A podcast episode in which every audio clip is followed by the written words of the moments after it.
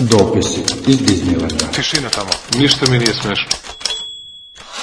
Ćao, slušate podcast Dopisi iz Dizlenda, ja sam Miljan. Ćao, čao, ja sam Nemanja. Miljane, šta ima, kako si mi ovaj, ove sedmice, gdje si bio, šta si radio? Zanimljivo mi je iz prostog razloga što hoću samo jednu brzinsku temu da dotaknem, koliko ja znam bio si u Hrvatskoj, je tako?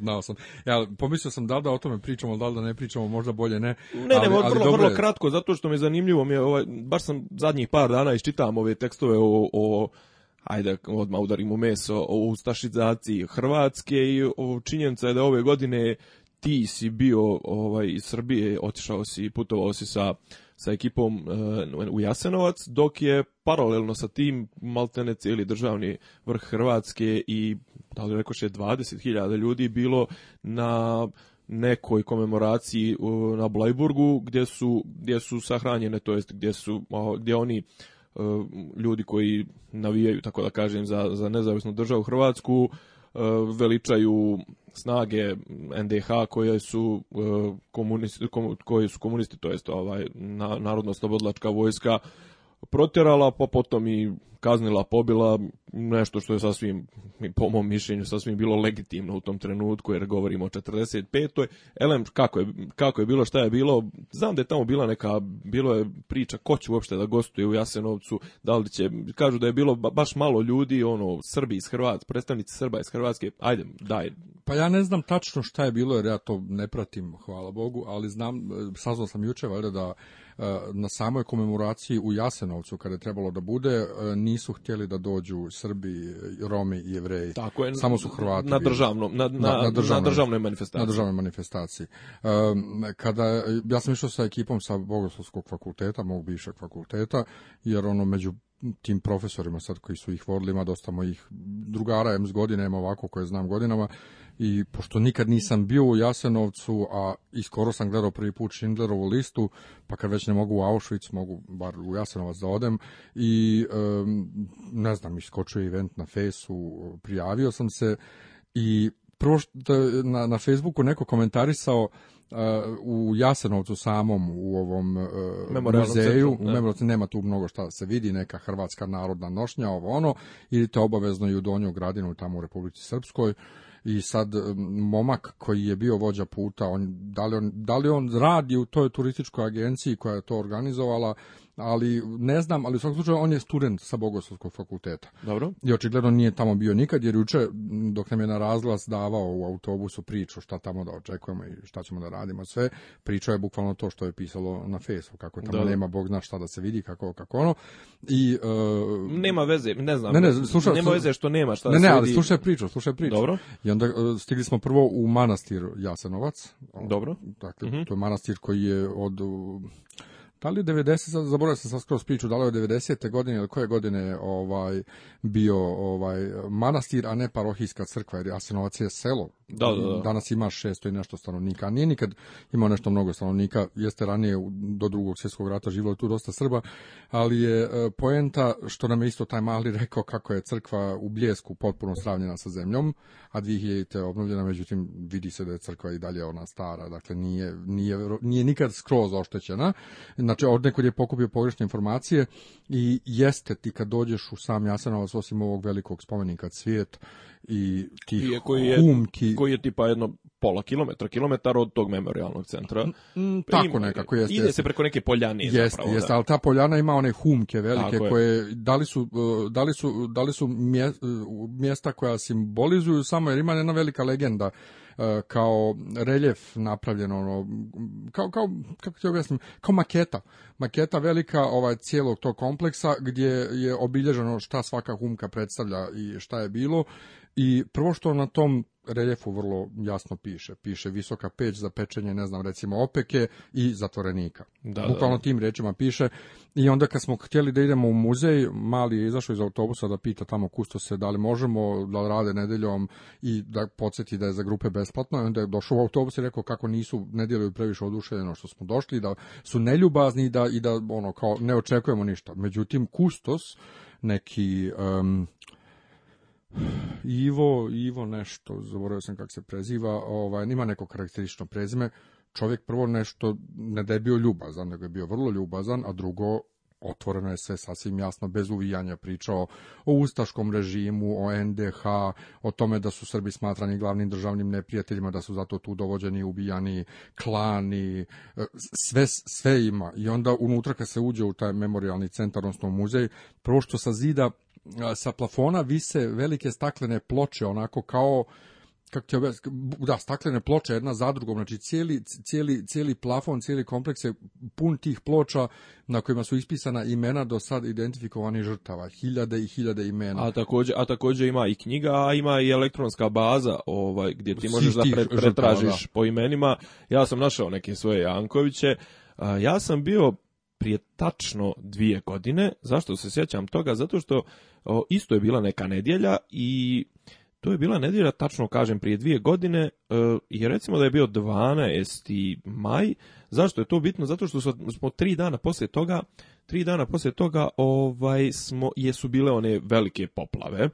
I, i to, je, to je bilo, ovaj, to je bilo to je bilo strašno osjećalo se nešto se osjećalo u vazduhu da će zbog tih poplava i zbog svega osjećalo se ovaj da, i mnogo mi je mučno mi je bilo ja sam iskreno rečeno ovaj tamo bilo nešto pritislo baš pred te poplave i cijela ta cijela ta atmosfera tamo kažem i na stranu to što sam ja našao par tih ovaj par e, osoba iz, iz moje iz moje porodice ukupna ta, ukupna ta atmosfera tamo je mnogo mučna, imaju i oni snimci se vrte, imaju i oni, imaju i oni zapisi, ne znam, crteži one djece i u tom muzeju i kažem, poslije toga ja jedno dva dana nisam bio dobar uopšte, a onda je naravno još udarla poplava, tako da iskreno čeno, dobro se sjećam, to kažem, prije dvije godine bilo ovaj, jedan od, jedan od bako najmučnijih perioda u, u, u, u posljednjih nekoliko godina u mom životu, ali svako, svako u jednom trenutku treba otići tamo i čisto da se upozna sa tim. E, ali, ali to, to stvari koje ne treba, ne treba izbjegavati, mislim, ne, treba pričati to o tome. i treba svojim očima vidjeti. Dakle, meni se ne sviđa ta propaganda, tamo nema ništa,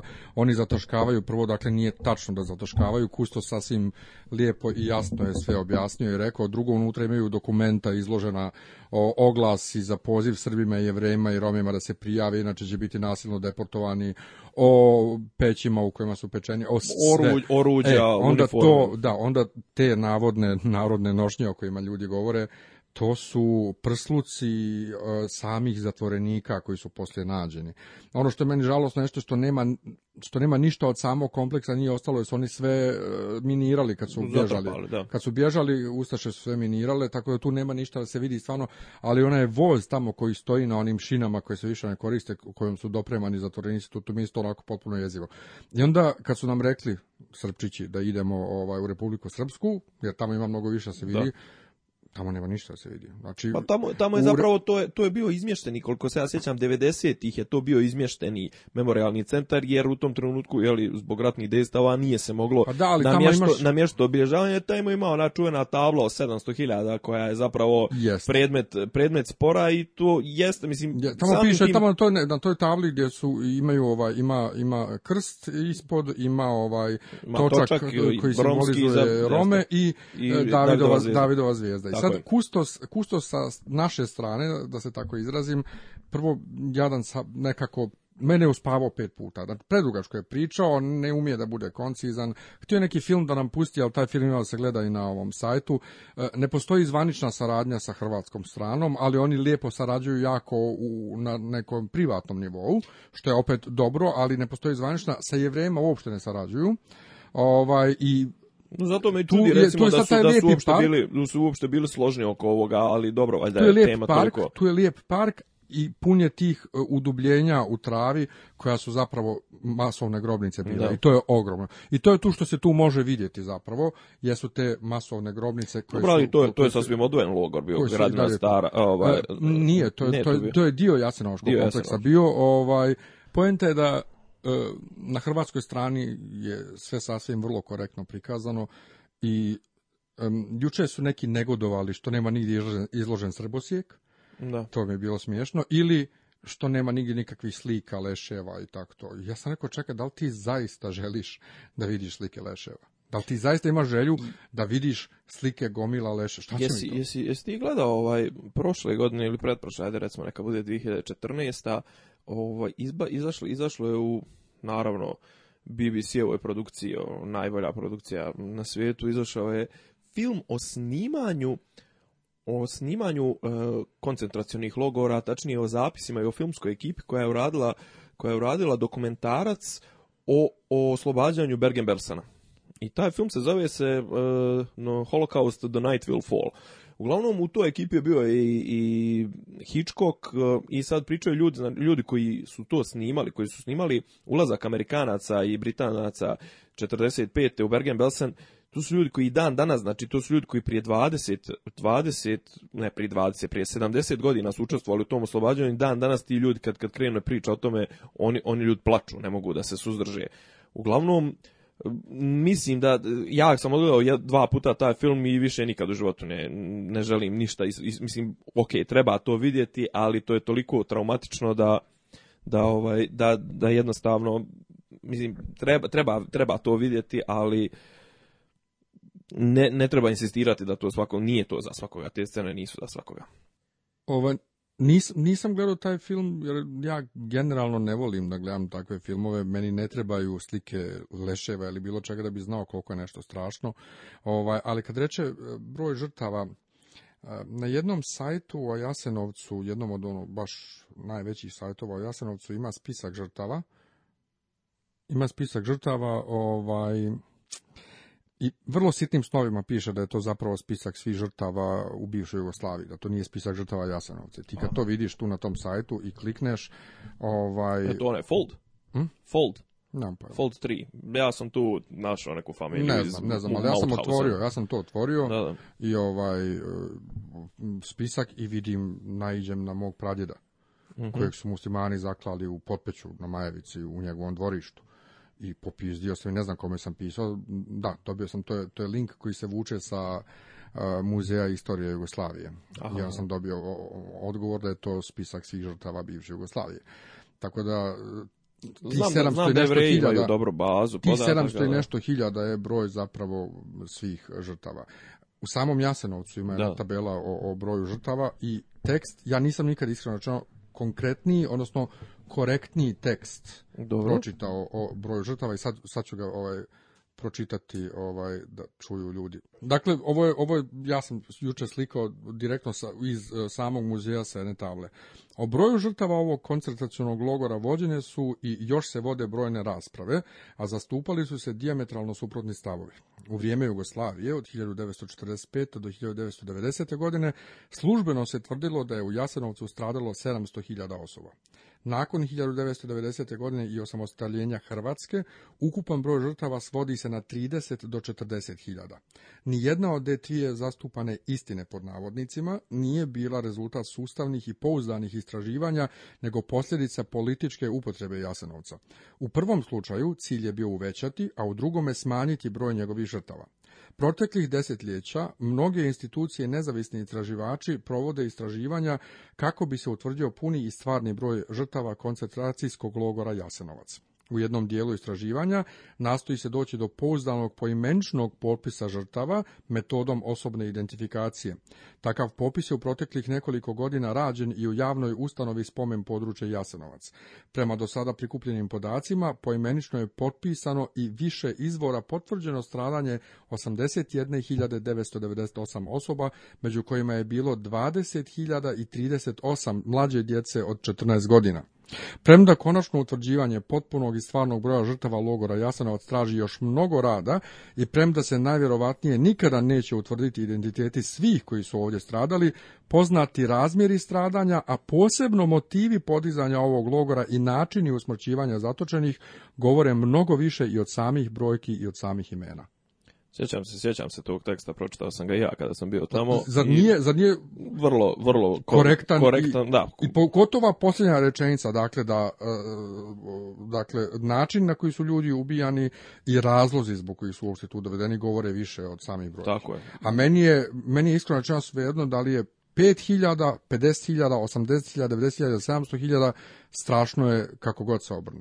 Pa ja mislim da smo mi generalno ovaj, do, red, dosta nam se teme prepliču danas. Ovaj, mislim da smo mi, recimo, na ovim prostorima dosta smo zarobljeni u toj žrtvometriji, tako da kažem, ko je više stradao, da li su više stradali Srbi u drugom svjetskom ratu, muslimani u posljednjem ratu, ko je stradao više, kao da je kao da je to stradanje, kao da to doprinosi nečemu, mislim, kao da, na, kao da što si više stradao, više si, zašto kažem da se prepričuju se teme, pošto ćemo se osvrnuti na Euroviziju konkretno i na, na pobjedu, pa ne, recimo zanimljiva mi je, zanimljiv mi je fakat da, da recimo svi, svi e, bosanski mediji, tačnije bošnjački mediji su egzaltirano pisali o pobjedi i Ukrajinke i o, o njeno, o to činjenici da je Bosna dala 12, ja sam odmah znao da će Bosna da da 12 bodova, ovima znači to je... E, jedna... Možemo, možemo prije, prije, prije to, pređemo? Nećemo, nećemo prijeći na to, jer, jer ajde kad smo već u komšilku rekao sprešite u Republiku Srpsku, ovaj put i onako se bavimo ne, ne, uglavnom stvarima da- da- koje,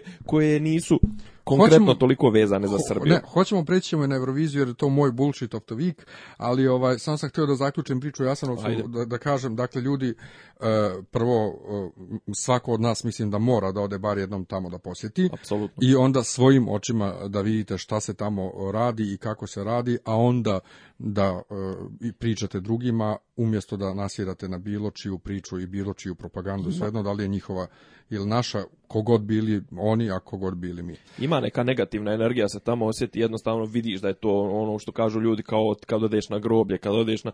Ovo je osjetiš da si otišao na neko mjesto neke velike nesreće. Kažem, ne znam da li je bilo zbog meteoroloških e, prilika, što je bio težak dan ili što se zapravo spremalo veliko nesreća koja će pogoditi Srbiju kroz par dana, ali meni je tao, taj posjet tamo jednostavno jedna od stvari koju nikad neću da zaboravim. Nama je isto juče bio užasno ružan dan, duvo je vjetar i klizave su one, ona staza kad se ide kao ovom mm -hmm. ka spomeniku klizavo je ova, zakasli smo na liturgiju, nismo stigli na vrijeme na liturgiju manastir. Da, ako ste tamo obavezno posjetite i manastir Jasenovac, ovaj, sestra će se obradovati. A dobro, bila je gužva ovih dana, zašto je bila gužva, to nam je tema broj 2. To, to nam je tema broj 2, ali prije teme broj 2 Bullshit of the Week, eh, koji ćemo sad imamo svake nedelje ovaj, kao, kao, kao, kao posebnu ovaj, rubriku. Moj Bullshit of the Week je pobjeda Ukrajine na Euroviziji.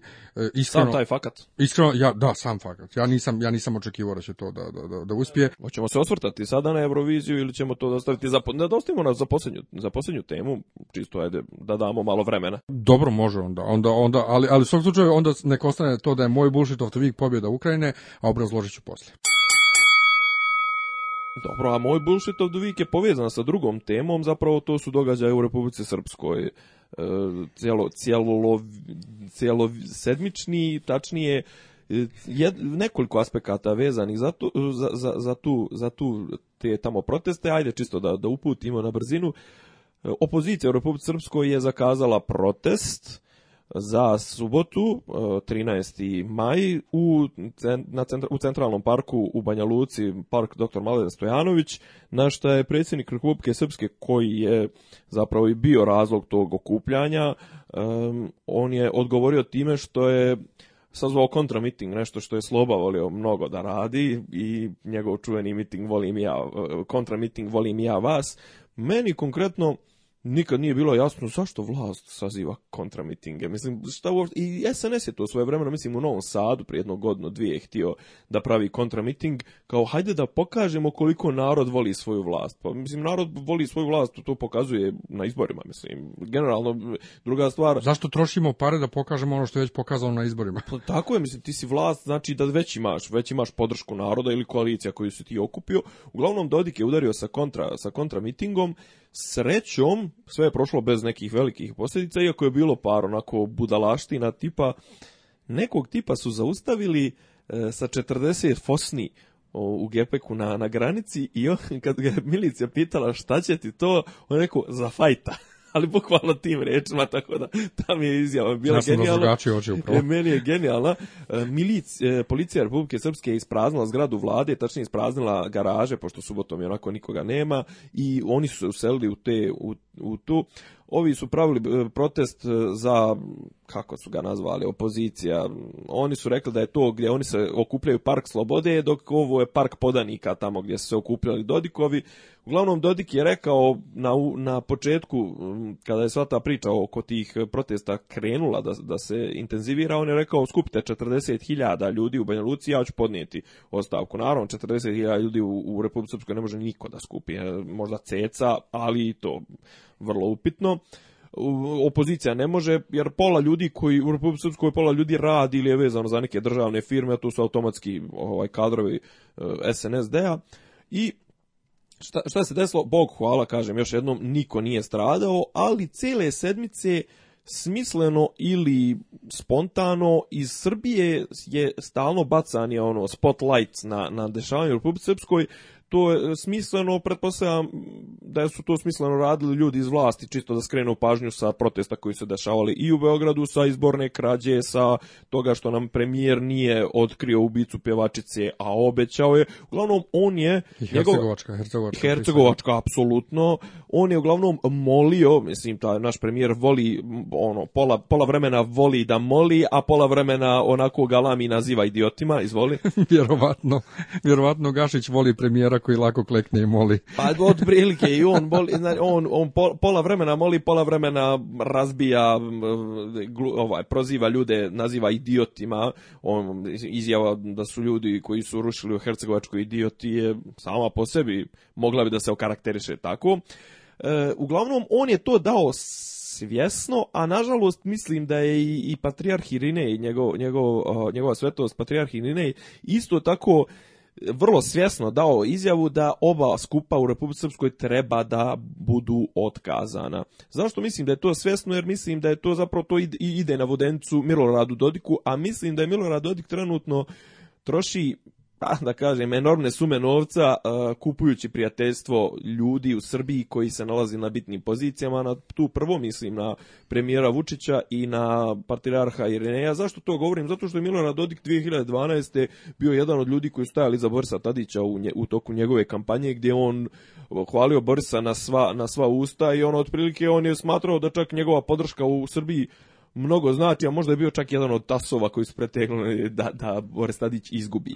Kako je, kako je e, to ali, on je, ali on je i u toj garnituri vlasti tada isto tim istim svojim parama kupovao ta prijateljstva apsolutno je... on kupuje on kupuje parama bukvalno liječi komplekse parama on je jedno vrijeme bio financijer e, košarkaškog kluba Partizan iako nije bilo mislim on a zapravo kad kažemo Dodik uglavnom mislimo da financira budžet Republike Srpske financira financira njegove njego, mislim kroz njegove firme kroz činjenicu da ne znam razvojna banka daje pare njegovom sinu za, za voćnjake i ako mu firma se otvori 5 dana nakon što se donese odluka o finansiranju, o davanju kredita, da ne širimo priču. Ne, ali, da viš, ja, ja bih malo za Dodika da pitam, ti poznaješ ovaj bosanske i republiko-srpskanske ove prilike bolje od mene, ja sam to davno pre svoja pratim, ali ja imam utisak da se ljudi u Republici Srpskoj prvo ne sjećaju 98.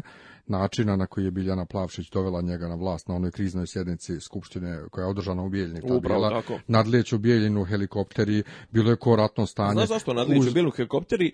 Da, i tada je ona, posad... ona se tad po, pofajtala sa krajišnikom i s kim... sa kompletom, i, i, garniturom, da, tom paljanskom. Os... Ne, fajt je bio bio prije toga 97. Sedme, pa jest, 97. U ljeto. bio onaj u ljeto bio onaj skup u Banja Luci predizborni jest. kada su otišli ovi ekipa iz iz iz iz, iz za istočnog dela Republike Srpske Paljani pa i neki bijeljnici su otišli da prosti ovaj mečki na rupu otišli u Banja Luku da prave tamo miting tog krila SDS-a i, i bilo je, to je bilo ratno stanje, malte ne ratno stanje, da, da su njih okružili tu, tu garnituru e, vrhušku tadašnjeg SDS-a, tog izra, istočnog dela, okružili su u hotelu Bosna, njih je svor izvlačio, to je bilo na ivci bukvalno, to kažu da. da u tom trenutku bilo oružja nekog, ono, mislim, 97, da, je oružja, evo, oružja u nekim autobusima, u, automobilima, u gepecima, u, da su neki, ono, kretali kamioni iz jednog dru, dijela drugog, jedne druge razoružavali, to je zaista bilo bukvalno bukvalno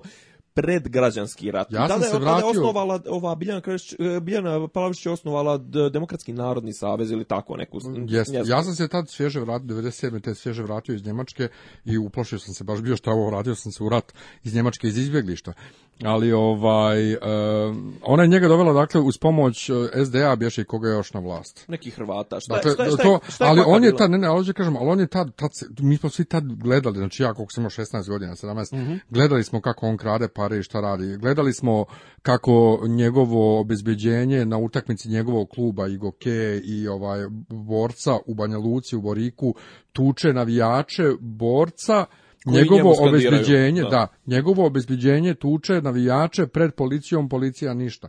Pa onda njegova da, izjava pazi, to je već to je već e, ajde da se vratimo na ne, 98, stane, 98 to je već kad je došao uveliko na vlast. Ne, ne, jeste, ali onda njegova njegova izjava da će on biti ovaj predsjednik Republike Srpske kako god narod da bude glasao.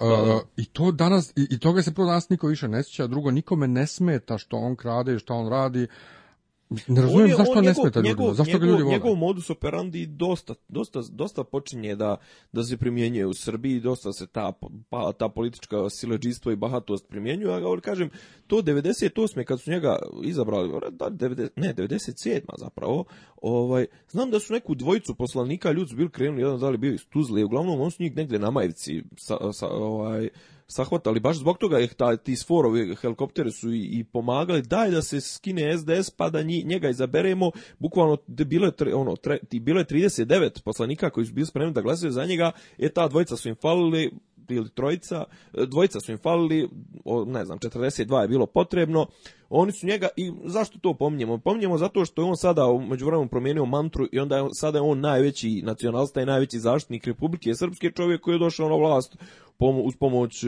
muslimanskih i hrvatskih glasova, zašto on konstantno sada optužuje opoziciju kako šuruje sa muslimanima, sa Hrvatima, što je potpuno mislim, i bezobrazluk i glupost. Mislim. E, ali to je upravo ono što se kod nas dešava da nekadašnji mega radikal Vučić odjednom je sad on najevropejac i ne znam ja što Dobro, malo s vremena vrijeme podsjeti ga ne neko, ne znam gdje sam skoro čitao, da li u Guardianu ili nekom, nekom časopisu, e, e baš britanskom, ovaj, kako se, e, kako Evropa zapravo gleda, gleda blagonaklono na te nacionaliste, te stare nacionaliste, samo dok, dok im rade posao, mislim, ne znam, pa on, trpe, ako trpe već Erdogana, mislim, šta, šta im smeta da trpe Vučića, mislim, i njegovu, njegovu retoriku, ovaj, uglavnom da se vratimo na Bosnu, se vratimo na ta dešavanja u Banja Luci, uh, proteklo je sve ko što treba, ali kažem i dalje ne razumijem tu potrebu ljudi iz, iz, odavde iz Beograda konkretno, valjda, valjda oni pogubili su sve moguće, mislim i prethodne vlasti, i dosovska vlast, i slobina vlast, pogubili su sve moguće teritorije koje su mogli da izgube, izgubili su i onda im moraju, ali i dalje imaju potrebu da stalno patroniziraju nekoga, pa hajde sad kao da vodimo računa o Republike Srpskoj, realno dosta, dosta puta nisu vodili računa o toj Republike Srpskoj kad je trebalo, 94. kad su udarili sankcije, e, uglavnom oni stalno imaju, jedna i druga ekipa imaju stalno problem da, da ova prva ekipa u Srbiji, takozvana, prva Srbija stalno ima kao brine o Srbima van, van Srbije. Mislim, pa nažalost pokazalo se da ta briga i za, za ljude na Kosovu i ne znam, da je to uglavnom se koristi unutrašnje političke svrhe i u dnevno političke svrhe. Briga za Srbe u Republici Srpskoj jedni ih brane, a drugi opet kroz njih pokušavaju da, da dožive neku katarzu zbog toga što se dešavalo 90-ih, ova drugosrbijanska ekipa stalno govori ljudi Srbi u Republici Srpskoj moraju da dožive prosvjetljenje, moraju da dožive um, katarzu u pogledu toga šta se dešavalo, činilo u njihovo, u njihovo ime ja jednostavno ne razumijem, pod razumijem taj koncept etniciteta, mislim, šta, rodio se kao Srbin, pa sad treba neko da ti sad treba da odgovaraš ili se osjećaš odgovorno zato što je neko istovremeno sr, koji Srbin pravio sranja u tvoje ime. E, baš jučer sam imao raspravu, ovaj, ne raspravu, ja sa prijateljima ne raspravljam ono, na tom nivou i žustro, e, razmjenu mišljenja sa jednim profesorom sa Bogoslovskog fakulteta koji je sad nešto skoro bio u Njemačkoj, pa kao vidi se ona lije, ono lijepo se ponaša prema meni uglađena, ali vidim ja da, šta ona misli ovo ono. Ja kažem, ali ne, mislim, ne, mislim, otkud to? od, otkud sad, pa kao mi smo za njih divljaci, ono, ali zašto, zašto uopšte na to mi? Ja, uh, zašto meni niko ne smije da, da mi išta prigovori uh, vezano za Srbe, za rat, za, za da bilo šta? da šta? U neki da, zašto ja to ne dozvoljam? Kad da. neko i pokuša, ja prvo udarim njih po njihovoj liniji i Njemcima krećem da nabrajam šta su oni radili ovaj, i kako je to prije samo 70 godina, to nije uopšte mnogo s obzirom na strahote. I onda A drugo, kad oni krenu da se brane, da oni nisu ti Njemci, ti kažeš da, pa, pa nisam, ja nisam ja ovaj... taj, pa to, A drugo, meni pogotovo ne smije niko ništa da kaže, ja sam 92. bježao od obe strane, majka muslimanka, otac Srbin, e, u mom stanu ovaj srpski snajperista e, koji puca na naselje gdje žive moji ujaci muslimani, oni bacili zolju u stan, ja sad na kraju nemam ni stan, nemam, nemam ništa, izgubio sam djetinstvo i sad meni neko da prigovara, meni neko nešto da kaže, samo što sam ja rođen tu gdje sam rođen i od roditelja od koji sam rođen, zato što je neko tamo negdje klao, ma noste se u tri lijepa, znači ne dozvoljavam. I mislim da to, da to treba bude stav, a ne taj taj vrijeđa sve nas, zašto, zašto je napada ne mladića ili koga već, a ne doživlja, apsolutno ne doživlja nikakvu krivicu zbog bilo čega što je bilo ko radio, što nisam ja lično. E, šta hoću da kažem, u, to smo pričali na jednoj drugoj ovaj, platformi, E, zašto, zašto se patrijarh miješa u, u političke spletke u drugoj državi, ti kažeš da apsolutno to nije njegov, njegov posao, ni po, pa, kom, viš, ni po tu, kom sam se, tu, tu, sam se isto razišao s jednim našim, možda ga znaš, sarađivao je sa Srbadijom Arsen Čarkić iz, mm -hmm, iz znam, Luke, znam. pijanista, dirigent. Znam, Sjajan čovjek, njegov otac je bio ovaj monah na Hilandaru, preminuo je sad skoro ovaj, ja ga znam, meni, meni to tako fenomenalno, znam ga s jedne strane kao Arsena Čarkića, ovaj, dirigenta, a da. onda sam ga upoznao na forumu pouke.org, to je jedan crkveni forum, pod nekim nicknameom i nisam imao pojma da je ono, oduševljavao sam se kako on lijepo i trezano piše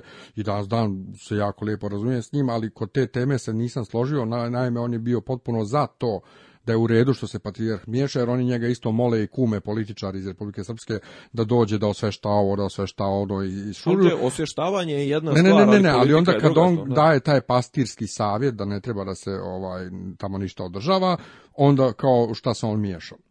Pa Pogrešno je i jedno i drugo po mom mišljenju, zato što nije po mom mišljenju. Dakle, ono što mnogi ljudi ne znaju, crkva e, nije centralizovana. Mi stalno kukamo kako treba državu decentralizovati i ovaj poredimo kako je crkva isto ka, isto kao i država što se tiče ne samo ustrojstva nego odnosa ljudi unutar ovaj crkve, tako ti je e, crkva za razliku od države potpuno decentralizovana. Dakle, svaka eparhija funkcioniše kao zasebna crkva za sebe i svaki episkop je crkva za sebe. Dakle, ne može Uh, do, ali čekaj, ipak poš, odluke sabora se poštuju ne, ne, drugo, na, teritoriji, drugo je sabor... na teritoriji cijele ne, ne, drugo su, drugo, drugo su odluke sabora. Govorimo sad o nadležnosti pojedinih episkopa. Dakle, ne može doći ovaj e, vladika Hrizostom Zvorničko-Tuzlanski otići u Banja Luku i Efremu tamo nešto naređivati nema apsolutno nikako pravo da ne, to još da, zapravo ide i dalje sveštenik iz jedne parohije nema pravo uopšte išta da radi na teritoriji druge parohije a kamoli e, e, kad su eparhije u pa pitanju šta je zapravo kako je Bosna uopšte crkvena organizovana u dvije metropolije jel? ne, Banja... na kako je dvije metropolije imaš Zvoničku Tuzlansku eparhiju imaš Banja Lučku eparhiju imaš Bihaćko Petrovačku eparhiju imaš i... do Sarajevsko imaš, e, imaš, imaš, mitropol... imaš metropoliju Dabrobosansku, Dabrobosansku tako. i imaš ovu e, Zahumsko-Hercegovačku eparhiju. Dobro. Mislim da su to sve. Dobro. Dakle, ali tu ne, do, mislim, nema ovaj Dobrobosanski, nema nikakvo premućstvo nad, nad, nad ep, niko, da, U crkvi nema niko premućstvo ni nad kim. Te premućstva su isključivo uh, čast. Dakle, Dobro. Dakle, nikakva stvarna vlast, nego on je prvi po časti. Tako da je patrijarh nije papa da on sad može da naređuje episkopima u Bosni šta da rade, ne, on ne može ni episkopima u, u Srbiji da naređuje šta da rade, a kamoli, kamoli znači, pa, pretijarhova nadležnost je arhijepiskopija Beogradsko-Karlovačka. I to je jedina o, njegova direktna nadležnost. On je titularno poglavar crkve, ali da, to je meni to je meni problem što mi u crkvi imamo dakle taj decentralizovani sistem a, a pritom e, i pljujemo katolike kako su oni centralizovani, kako je papa, papa bog i kako je papa ne pogreši i sve to, a našice episkopi, to jest konkretno ovaj, imamo ta, tu svijest o patrijarhu u narodu kao da je on de facto poglavar crkve što nije poglavar crkve sabor, dakle svi zajedno. Meni generalno, I zato... meni generalno smeta taj, taj odnos, kažem odavde, taj odnos ne, ne. nadređenosti, ne samo crkveni, nego govorim i politički uopšte, i pa uopšte. Da. Evo recimo, baš konkretno, bi, bit će vezano za ovu izjavu koju, koju sam ja ist, ovaj, istakao kao budalaštinu sedmice, a to je, mislim, baš je, baš je u emisiji Miroslava Lazanskog je premijerka Republike Srpske, predsjednica vlade Željka Cvijanović dala jednu izjavu koju ćemo kasnije prokomentarisati, šta ima, šta ima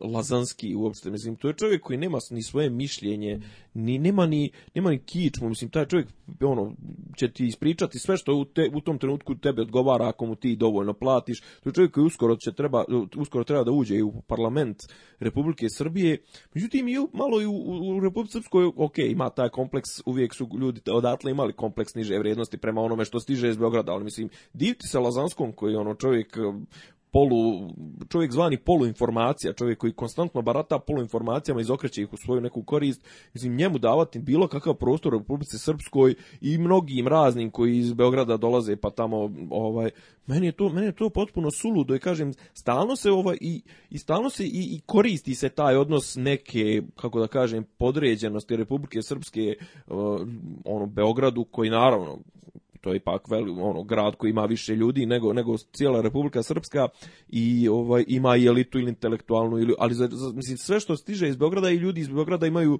i dan danas i, i vlast i, i ta neka intelektualna i politička elita ima potrebu da stalno daje neka mišljenja o tome šta se dešava u Republici Srpskoj a realno politička elita u Srbiji je upropastila i Srbiju i Srbe gdje god je mogla, kad god je mogla u zadnjih 25 godina, počeo od Kosova, preko raspada sa Crnom Gorom, od bombardovanja, sankcija, odnosa, u, mislim, i vojno i politički svakako ih je upropastila, tako da jednostavno ne, ne vidim i dalje ovaj ne vidim razlog miješanja u ipak stvari druge države, ali eto kao, kao što su neki kažu da eto ne znam patrijarh ima duhov, pravo da bude duhovni pastir cijeli, cijelog srpstva, tako vjerojatno i političke elite iz Srbije misle da, da u njihovu nadležnost spadaju i ljude iz Republike Srpske, što je po meni glupost. Ne, apsolutno je okej okay da patrijarh ima duhovnu, ovaj, ne vlast, nego duhovno to pastirstvo, pastirstvo da. nad, nad, nad, nad, Srbima van Srbije, jer on nije patrijarh Srbije, on je patrijarh svih Srba, za razliku od Vučića koji je premijer Srbije, a ne premijer svih Srba,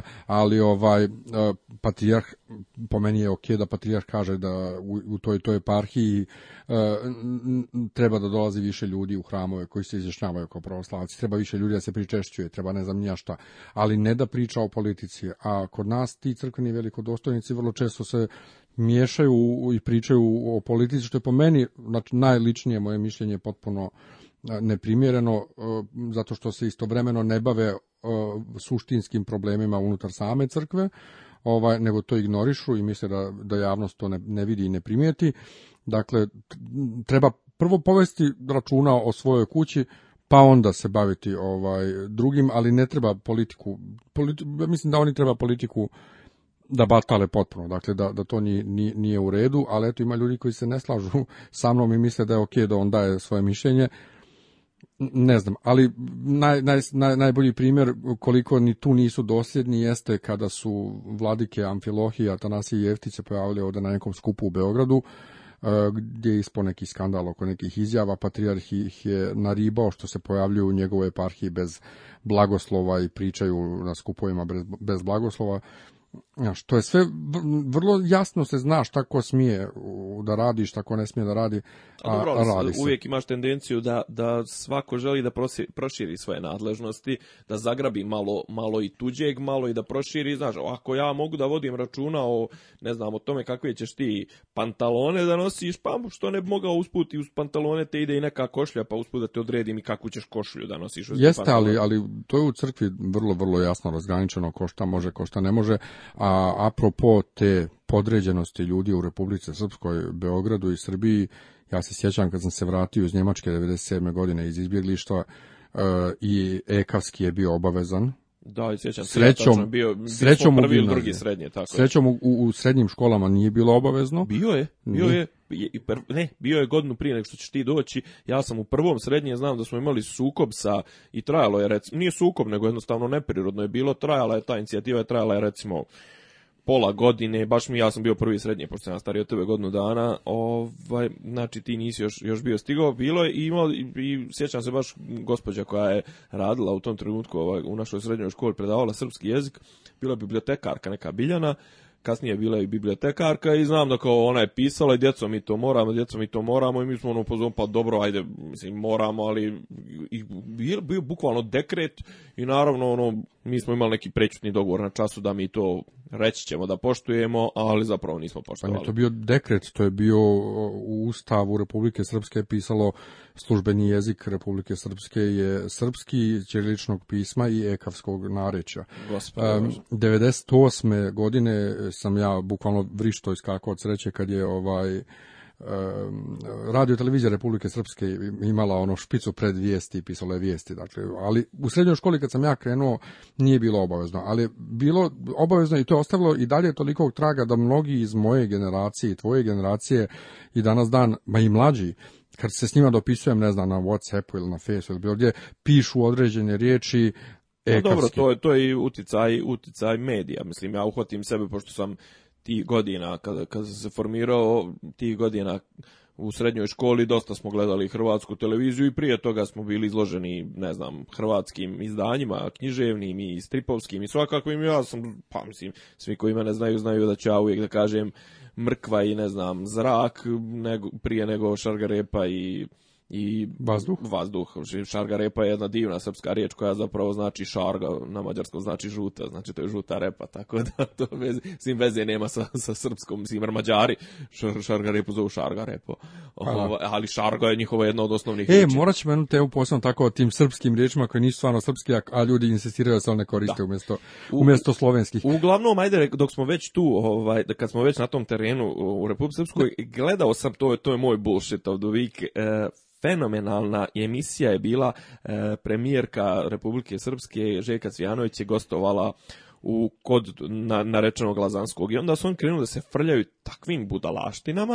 E, jedno od njih on je rekao kao ima ima odličnu odličnu kolumnu je napisao, mislim se zove momak Bojan Babić ili tako nekako za nezavisne e, za nezavisne novine u, iz Banja Luke ovaj, gdje je otprilike rastavio na, na sastavne komade Lazanskog i mm, gospođu Cvijanović I uglavnom on kaže u jednom trenutku, kaže Lazanski odlučuje da preuzme inicijativu i konstatuje kako on u ovakvim diskusijama poštuje samo jezik matematike, znači cifara, pa licitirajući budžetska izdvajanja, kaže kako, ne znam, od 2001. do 2005. transferi fondu PIO u prosjeku iznosili 70, oko 80 miliona godišnje, onda su u periodu 2005. do 2015. znači skočili na 170 miliona godišnje i onda se premijerka ponosno složila, mislim, kako, kako, to, kako je to dobra stvar, Znači, PIO fond je neodrživ, recimo u Republici Srpskoj, znači koliko je, koliko je taj Lazanski, koliko je on šupalj, znači PIO fond je neodrživ i znači za jedne, zadnjih 10 godina dva i po puta su skočila, skočili transferi iz budžeta, to je dotiranje, bukvalno živu lovu koja bi se mogla iskoristiti za nešto drugo mora da se pokriva penzioni fond. I on su krenuli dalje, onda je on njoj pravio te hvalospjeve, naravno, on je ono, servilan i ponizan i onda je on iznio podatak koji je bullshit of the week, znači njih dvoje zapravo dijele tu titulu, on iznio podatak da je za vrijeme vladavine SNSD-a ili za ne znam koliko zadnjih 10 godina, životni vijek u Republice Srpskoj skočio sa 68 na 72 godine, a onda je Žeka Cvijanović nekim smušenim jezikom rekao, pa da, to, je, e, to su rezultati reformskih napor, napora i reformskih mjera vlade Republike Srpske. I onda je izjavila nešto tipa, E, poziva se na neumoljive statističke podatke, podatke koji svjedoče o tome, mislim, jedna glupost, već su ono, društvene mreže su odreagovale odmah, ovaj, ljudi su konstatovali da treba se seliti u Republiku Srpsku, otprilike izgleda još malo pa će, pa će svi tamo biti besmrtni i šta već. E, uglavnom, Na stranu što, na stranu što je, mislim, kakve veze reformske vlade imaju sa, reformske mjere vlade imaju sa, sa produžetkom životnog vijeka, prvo što su oni ljudi izglupirali oko aktuelnih podataka. Prvi problem sa tom izjavom je u Republike Srpskoj i u Bosni i Hercegovini je bio popis prije, prije tri godine još uvijek nema rezultata tog popisa, nisu objavljeni, jednostavno ne zna se.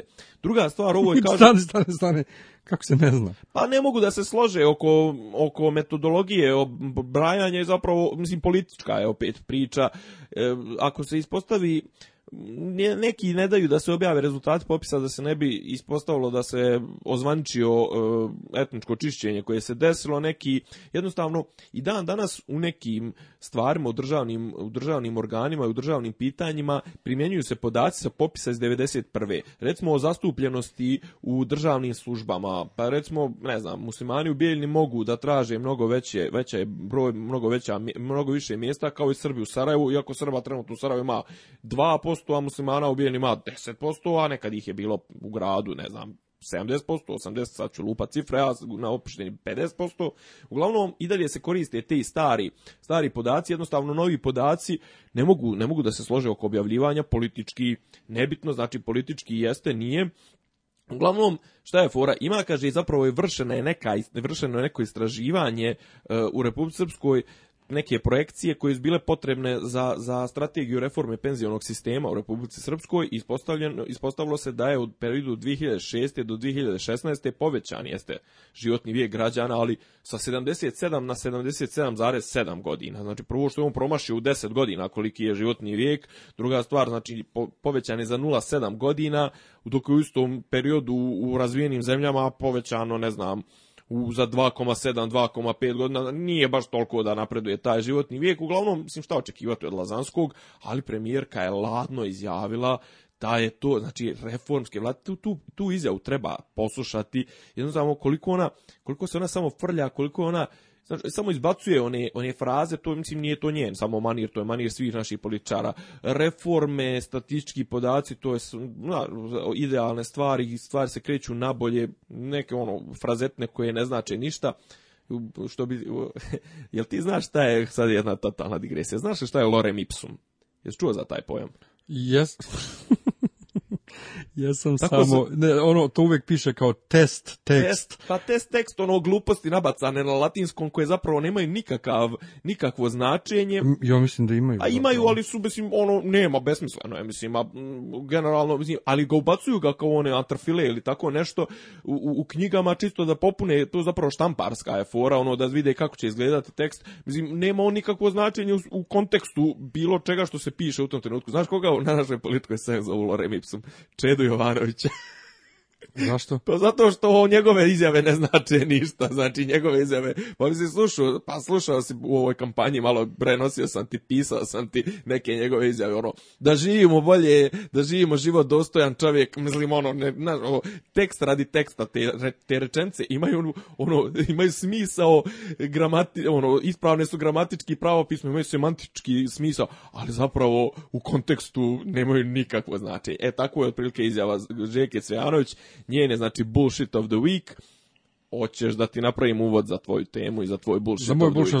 Ne, htio eh, sam samo, pošto sam malo pre ovaj, faktički srao po ljudima u Republici Srpskoj koji pričaju ekavski, a ti si mene prozivao u prošlom ovaj, podcastu sa Prozivam Krunićem. Te u svakom i u prvom sam te sa, sa Krunićem, nis, nis, ne, u, prvom si, u prvom si sam sebe prozvao. Pa da, u prvom sam sam sebe prozvao, a sa Krunićem ovaj, kad smo radili E, sam ovaj, si me ti prozvao. Kako se okreneš njemu, tako udariš ekavski, a kako se okreneš meni, udariš i ekavski. Dakle, ja pričam ekavski u Srbiji, pišam ekavski u Srbiji, zašto je to neki moj mehanizam prilagođavanja, ne, pri, pri, mehanizam moje prilagođavanja. Mi je smešno što ja sam u generaciji ljude koji su ovde bili u Beogradu 10 dana, pa dođu pa pričaju ekavski, ja sam ovdje 15 godina. To se zove pokondirenost. Ja sam 3 godine ovdje pisao i pričao jekavski, imao sam određene prozivke na koje nisam obraćao ja, pažnju. Ja 16, ali moram uskoro da počnem da to mijenjam, pričat ću.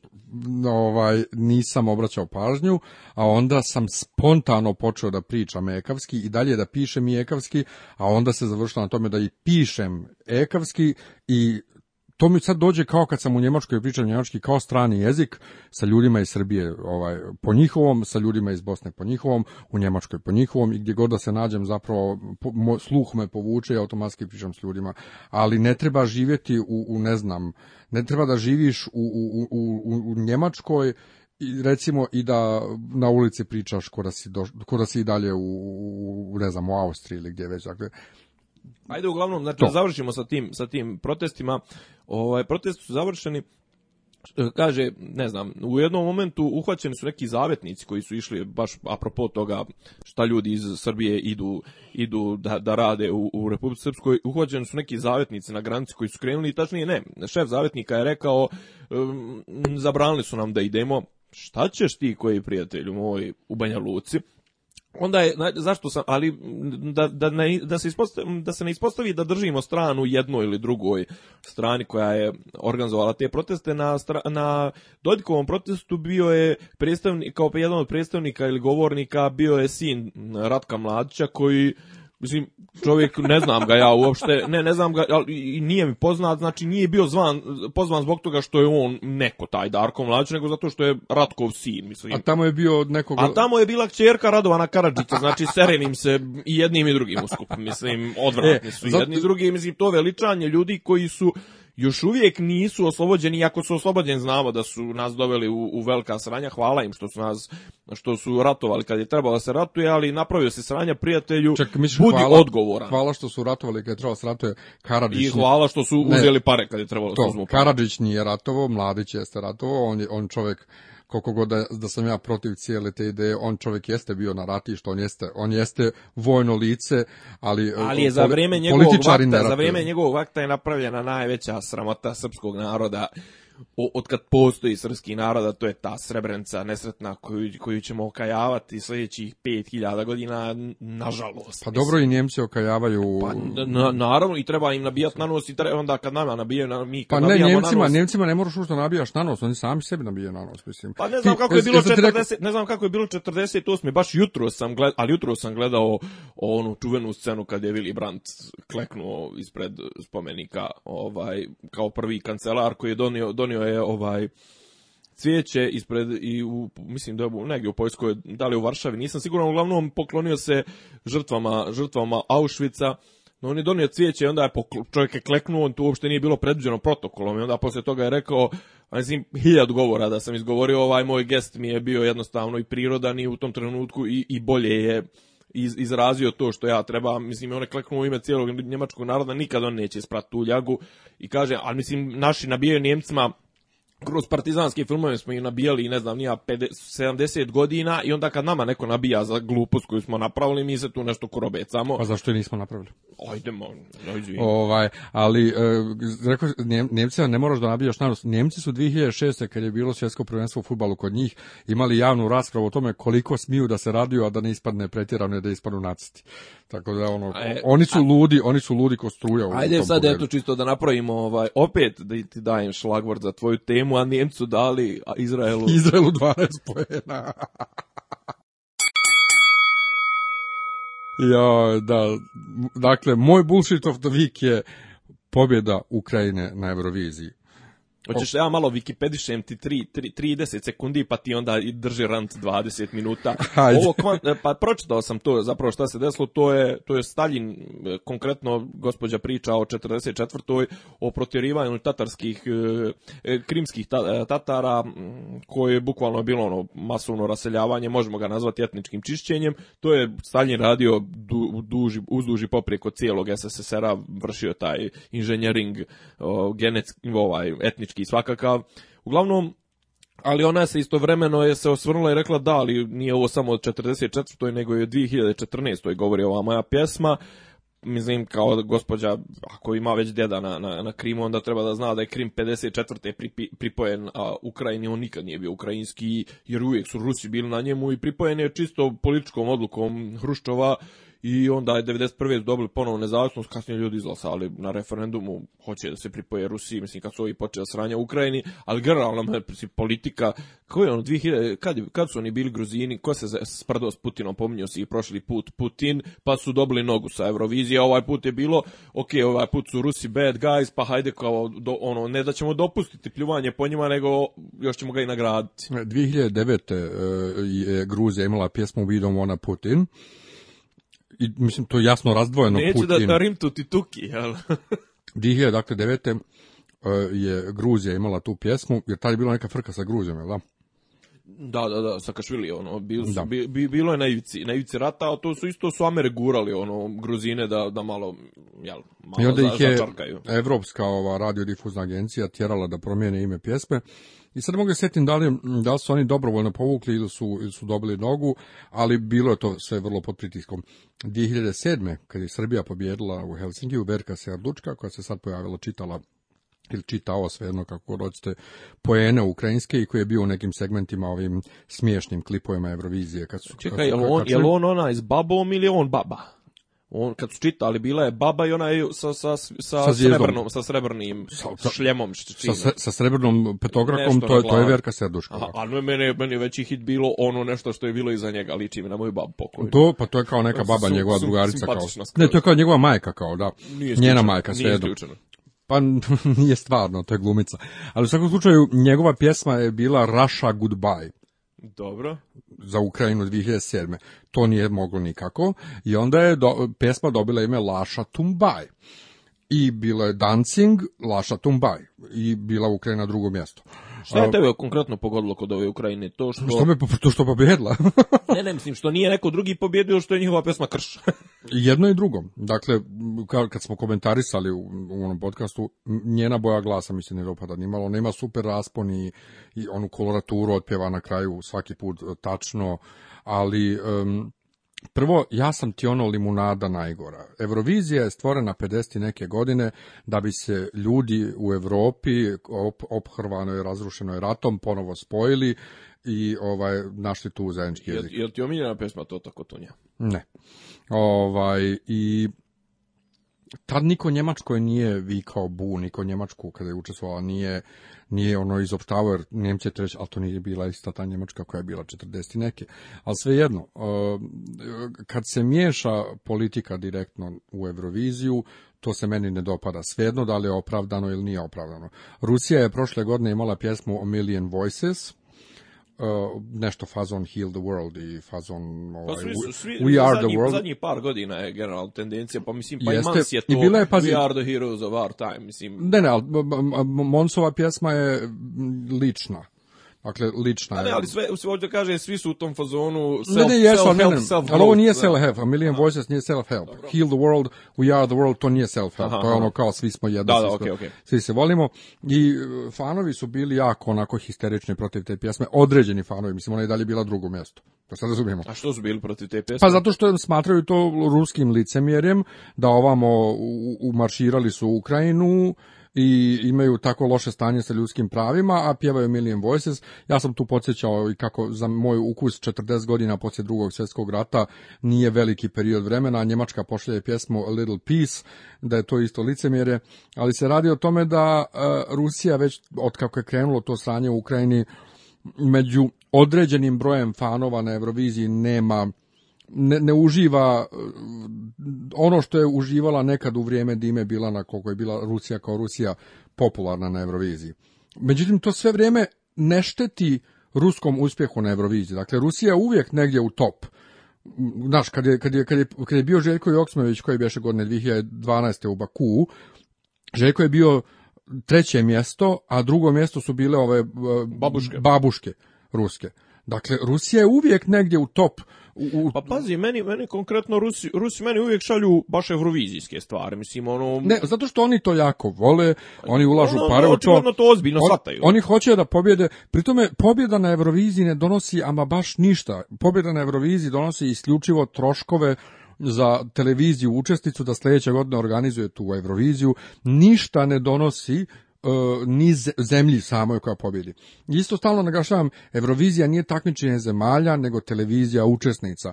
I E, nije... Čekaj, kažu da je bila fora da će, da će ovaj, bila neka priča se prosto, tipa kaže da su Australijanci pobjedili da bi nije, s Njemcima organizovali. Da, Mislim, ne, to nije nikakva priča, to se zna od početka, od prošle godine kad je Australija pozvana da... Ne, ne, da... sa Nijemcima, mislim, zna se da Australija ne može da, da organizuje, da. jer nije EBU, jel tako? Da. Ovaj, ali... nije EBU, jeste EBU. SBS jeste član, valjda EBU sada. Mislim da nije. E, mislim da, da su primljeni da bi mogli da učestvuju. Nije čitao sam neki, ne, ne ali nebitno, nije bitno, da ne, ne, nije bitno što je EBU, da li da. je EBU ili nije, nego je problem to što je daleko. Dobro, da. to je problem. Ja, i što je vremenska zona i sve. Ne. Pa da, ne, ne, vremenska zona... Um, A dobro, šta bi organizovali u 6 ujutru takmičenje da bi mi gledali u 9 Tako je, da tako recimo, je. Hajde. Da, da, da, pa, pa isto kad je bilo u Azerbejdžanu, bilo je u, ne znam, u dva ujutru po njihovom vremenu, koliko već. Koliko? Da, da, da, i to je vrlo zajebano za učesnike e, što što oni Dobro, moraju imala da imala je nova Duška imala isto lapsus. Pa lapsus se... ono tipa da da je u evro ovaj šta je ona rekla za Australiju tipa da da kod njih kasni, ne znam, prenos 18 sati, ono tipa ljudi već ono počeo drugi dan, je. Da. Ne, u Eurovizija uvijek je dakle u 9 sati po centralno evropskom vremenu i onda ti je u Rusiji se recimo kad je bila 2009 Eurovizija završila u 4-5 ujutru. Da, da, Zašto oni moraju ne znam 3 sata. 2 sata. Ali u svakom slučaju, prvo dakle, protiv politike na Euroviziji, protiv ovakvih pjesama. Meni ne treba pobjednička pjesma koja je narikača, koja ono, da stanem, da se zamislim, da plačem, nego hoću neš, nešto veselo što mogu da igram. I se ništa svidlo kod njima? Se jedno svidlo ono drvo, iskreno rečeno. Nije se ništa svidjelo. Ne volim, ja ne volim, pa ja u crkvi ne volim vizantijsko pojanje, to zavijanje, to ja zovem zavijanje, ali kod nje je bukvalno bilo zavijanje, onaj bolni, onaj jauk. Meni, meni je malo vuklo, iskreno rečeno, vuklo mi je na neku, doduše, ona je kasnije, mislim, nije kasnije, nego, ok, Pirosmana smo pjeva na, na tom dijalektu tatarskom. tatarskom.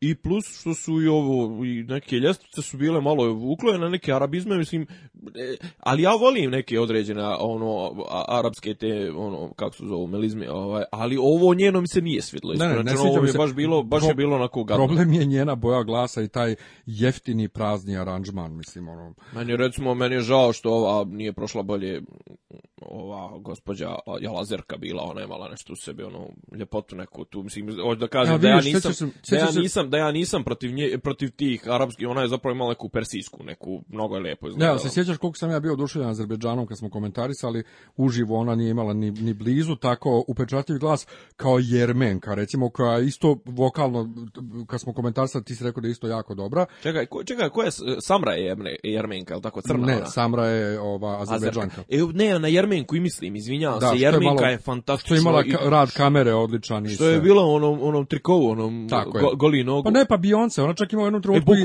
i, stala je kao Beyoncé, onako porbočila se, isturila leđa nazad, I, kukove kukove Ma sva pa je bila, i žena zapravo čak konkretno i nije toliko lijepa, ali su i našminkali to da, da istaknu tu njenu, tu Tako neku je. Azerbeđanka jeste lijepa prirodno. Jest, e, crna, e, ali Jermen je imala fenomenalan rad kamerom. Nego da ostanem samo još kako na temi, dakle Ukrajina. Ukrajina, dobro.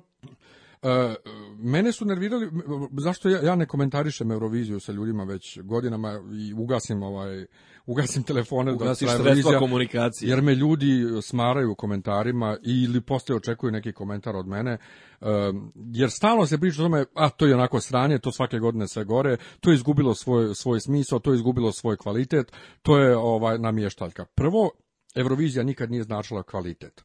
Ti pogledaj danas Eurovizije iz 70-ih i 80-ih i 90-ih, to je grozna jedna muzička kaljuga.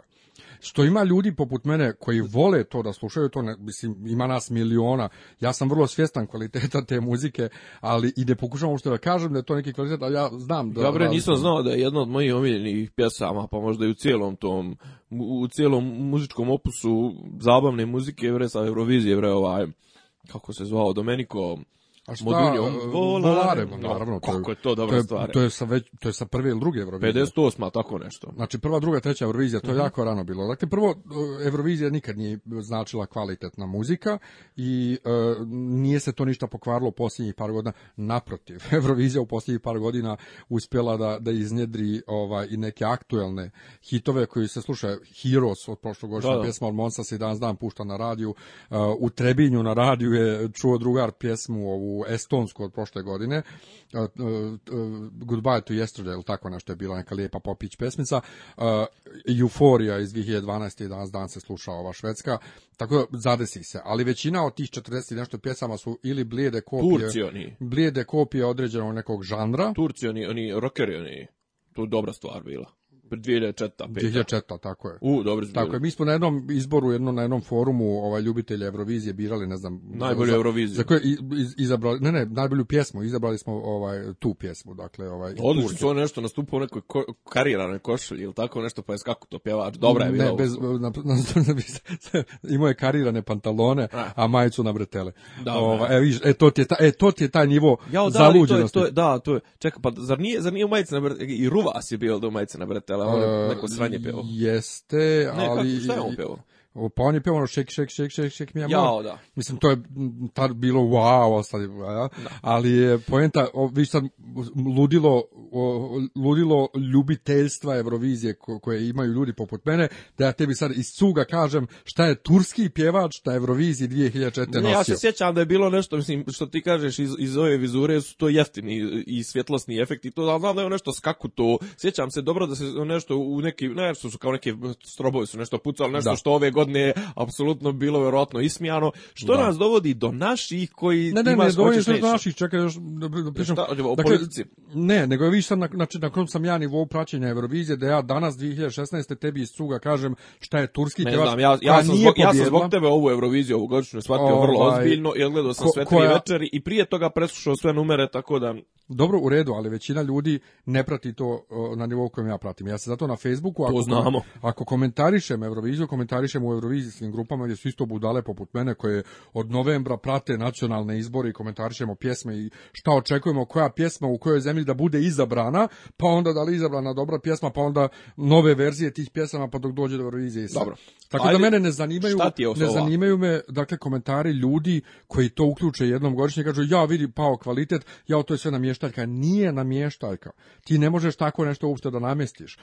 Ljudi naprosto konkretno sad ukrajinska pjesma, ljudi u Evropi su pod jakom propagandom medija protiv Rusije i ljudi u Europi generalno su u fazonu Rusija su bad guys. I zato kad ja žiri da su jedva i dočekali, zapravo falio im je bad guy ovih dana. Ne, ali, Mislim, kad, ono, kad... ali ne može biti bad guy su ti ISIS, ono, ISIS, ali ISIS, ne, ali kad Rusija, ISIS je falio. No, Bože, kad Rusija, kad žiri glasa, žiri su ljudi isto kao ja i ti.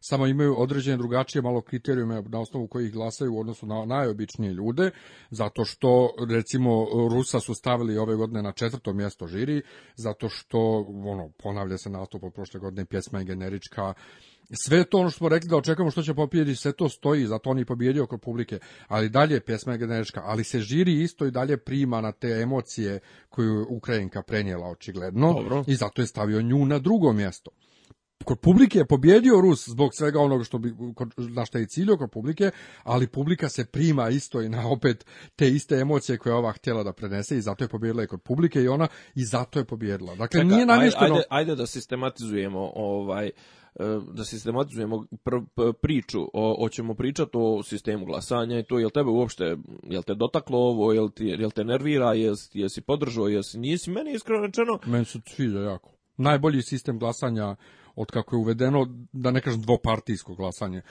taj sistem da, da, da, da glasa i žiri i publika, zato što do sada je primjenjivan način, dakle glasa žiri, glasa publika i onda se to zajedno spoji I zemlja daje jedinstveno od 1 do 12. I onda se dešavalo da neko... Čekaj, a po kom principu su spajali? Aha, da, da, da, ok, kapiram. Znači, ko je dobio najviše pu, od publike, lupam sad, dobije 12, ko je dobio od najviše od žirija, dobije 12, to se sabere pa podijeli sa 2 i tako, jel? Nije jesu tako, jesu, ne, ne, nisi, jesu isto nosili glasove publike nije, žirija? Nije, bilo je dakle 50-50.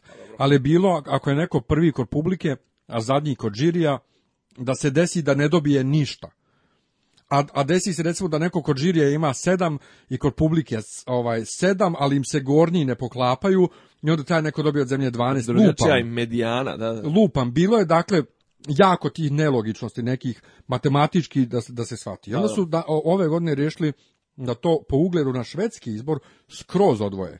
Dakle, prvo glasovi žirija od 1 do 12, a onda uzmu glasove publike isto sve po zemljama od 1 do 12, ali da sad ne bismo slušali sve zemlje redom od 1 do 12, zbroje sve glasove pojedinačno koje jedna zemlja dobije i onda ih e, saopštavaju zbrojeno.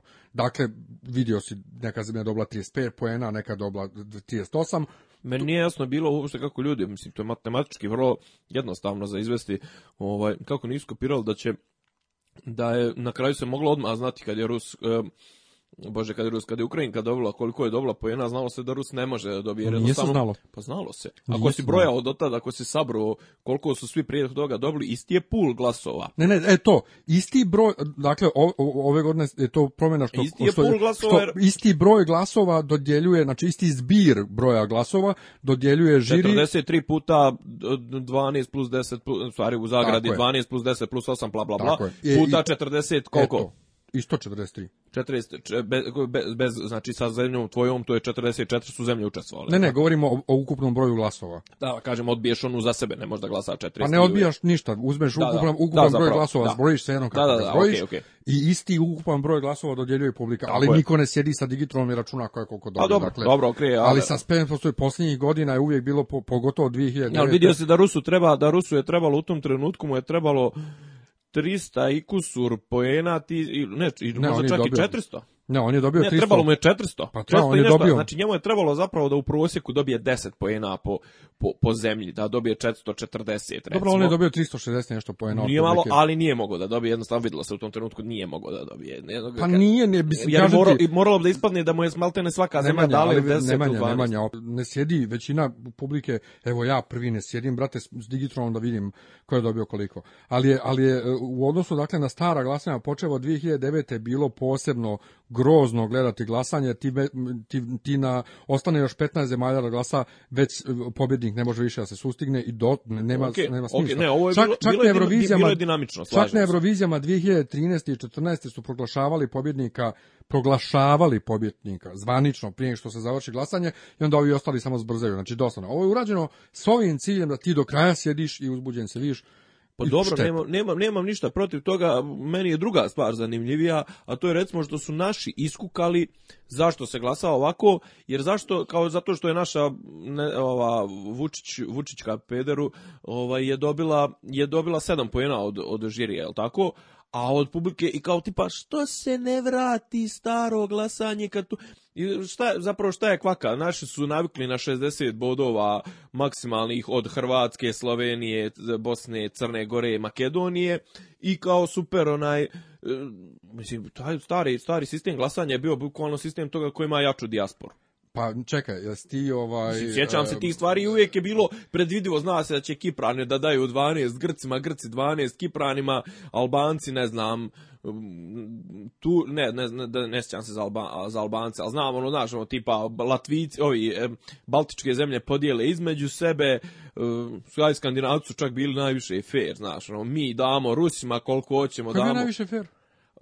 jel skandinavci... Ma gdje pa oni, šta, oni, oni, oni, oni, su izmislili komšijskog Nemoj se, pa ne pa da. se nešto je. Ovaj, ali... I uvijek izduvaju oni, recimo šta sam htio, isto mi je konstatacija bila. Pa Malta, godine, Španija. Ne, uvijek, uvijek Njemci izduvaju. A, e, ne, Njemci izduvaju samo kad pošalju sranju, sranje pjesma. Samo ove godine su isto poslali, ove godine su nu, nešto bili su tipa, koliko su imali poslije žirije, glasanja žirija, jedan pojem, pa jebote ipak Njemci vjerovatno najviše izdvajaju ta jebo. Izdvajaju svejedno, ali e, Ali su poslali sranje. Oni kad pošalju sranje, oni ispuše. E, jedina misterija u tih Big 6, tih direktnih finalista ovaj, men, je Španija. Meni su šveđani bili misterija. Ja sam osjećao da su on poslali nešto namjerno da izgube, ono tipa nemoj Nije. da mi ove godine glasamo.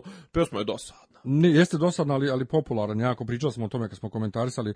Jako je popularan, modern je zvuk, ne znam zašto vole, ali i, i, i još su i dobro prošli. I dobro su prošli, ali da, da, da, slušaj sad ovamo. Dakle, I, e, e, a šta je bilo sa Španaca? Špancu pa to hoću sad upravo, pa hoću popravili svoje izvođenje pa, za 200%. Hoću, mislim, kad me stalno prekidaš, ne, ne daš mi da pričam, ubiću se ne treba. s tobom. Dakle, misterija, jedina misterija u tih Big 5, koliko god da se Britanci stalno bune i osim što traže da izađu iz Europske unije, hoće da izađu iz Eurovizije, E, I treba, jedina kakvi. stvarna misterija je Španija. Ta Španija šta god da uradi, šta god da pošalje dalje od desetog mjesta, ne mogu i gotovo. Meni je misterija Italija. Italija od kak se vratila non stop je u top, u, u, u top 10 i u top 7, ne znam da li ove godine isto top 10 bila. Nije boga, mnogo godine su ovu čak i, i mislim da je, po mom mišljenju je lošije prošlo nego što je zaslužila. Ne, ali koja je bila u top 10, ne znaš? Ne sjećam se. Ovaj ne mogu sad da otvaram. Znam, da nisu među top 5 7 svakako. Da, ali su od, ali inače od kako su se vratili, on su non stop visoko šta god da pošalju. Ovaj, ali Španija jadna ne može šta god da uradi, ne može da prođe i gotovo. I ne Sjetio znam sam se kako se zove ona što sam te pitao prošli put što je mačka od, od golmana Edirne, Edurne kako se zvala. Da, da, e. da. To pa ona je bila prošle godine. Prošle pretprošle ne, to je bilo strašno. To ne ne, pa ne Dobra mogu. je. Ne mogu. Ali znači Španija jadna šta god da uradi, šta god da pošalje ispuši. Malta se ove godine nekako popravila, odjednom Malta inače isto ne može da prođe u finale. Ja uzmislio da će Maltu čak u jednom momentu da izglasaju za pobjednicu zbog te inkluzije. Ajde, imali smo ženu bradatu, imali smo ovog onoga ko je godine trudnjaču da ima ovaj. ovaj sve u svemu eh, eh, način glasanja, dakle eh, jako je teško namjestiti da neko pobijedi na Euroviziji. Zato što žiri glasa, pet članova žirija glasaju odvojeno, navodno jedno od drugih, a sve to se zbroji u, u jedan... Kod nas čutura bio. U, u jedan, ovaj, e, dakle, u, u, jedan set glasova i onda se ovaj to glasa veče ranije, publika glasa uživo isto veče i nepredvidivo je dakle spojiti. I zato je super što se ovako vidi odvojeno. Naravno da žiri da da žiri u pet ljudi da da su i oni uslovno rečeno korumpirani, ali ja ne I vjerujem, su ljudi. Ali ja ne vjerujem da iko glasa po ičijoj direktivi, osim možda naših, jer kod nas mi smo već nagli da postoji direktiva, meni dalje nevjerojatno da je kod nas žiri Rusiji dao jedan poena Ukrajini 12, žiri a publika je dala Rusiji 12 kod nas. Ovaj a žiri da inače Ukrajina i Rusija su e, međusobno jedni drugima dali 10 i 12 10 i 12 tako je. To je to, to samo pokazuje a, koliko su ti neki sukobi vještačke. Ali hoću da ti pročitam koliko bi dakle e, da je onaj sistem koji je bio do prošle godine što se tiče zbrajanja glasova. Dobro. Australija bi bila prva sa, 370, eh, sa 321 poenom, Ukrajina bi bila druga sa 278, Rusija treća i dalje, a mi bismo imali 61 poen. Dakle, ja apropo, ne, apropo, ne, apropo ne, kuknjeve, ne, stani, stani, apropo kuknjeve, o, da se vrati sad i da. mi smo sad imali 100 i nešto poena, potpuno je zasluženo, ovaj, a, a, e, sad, a po tom starom sistemu bili bismo 15. mjesto, sad smo 18. 15. mjesto bismo bili i ovaj 15. mesto bismo bili i osvojili bismo 61 i, i, i poen, što je dakle manje nego što smo zanimali. Pa to je 61, to je ovi pet okolnih zemalja i nekom ni nam udijelio jedan. ne, ne, ne, isti, isti, A znam, isti ali, ovi da. poeni samo zbrojeni na način na koji je dosta zbran. Da, da, da. Ali e, ja sam zamolio druga jednog našeg, ovaj, koji je sam učestvovao na Euroviziji, Marko Kon 2009. da nam prokomentariše šta on misli pošto Srbija se nekako uljuljkala u tom šta mi šaljemo, šta ne šaljemo i načini nastupa. Ja imam, kad pogledaš jermenski nastup, dakle rad kamere, efekte, jermenski nastup, gruzijski nastup, e, bjeloruski nastup sa onim hologramima, islandski nastup, ruski nastup, ali ruski nastup, dobro... Rus su baš preti, svi, mislim, svi, oni su, nastupi, oni su ne, svi nastupi koji uključuju to rekvizite koje ti doneseš od kuće, to su rekviziti koje ti sam plaćaš, ali korišćenje pozadine, svjetla i toga što ti već imaš na bini, onih je, o, ja imam da ljudi u RTS-u koji su za, zaduženi za Euroviziju, ljudi u RTS-u uopšte i kod nas na televizijama, da nisu sposobni da zamisle takav neki nastup, a ne ono prateći koji hode u krug, pa ajmo sad x, ajmo osmicu, ajmo Ne znaš šta sam skapirao za te prateće? Zapravo, skapirao sam da je to ono, ajde kao, ajde da se, ajde da se pošalje neko na ekskurziju besplatno. Ne, toga u delegaciji RTS-a svakako ima, ali mislim, ne, jer, ne, prateći su, brate, prateći su potrebni, mislim, ne šalje se prateći na ekskurziju. A, prateći su potrebni, ali prilikom snimanja, on, jel on pjevaju na, na lič mjesta?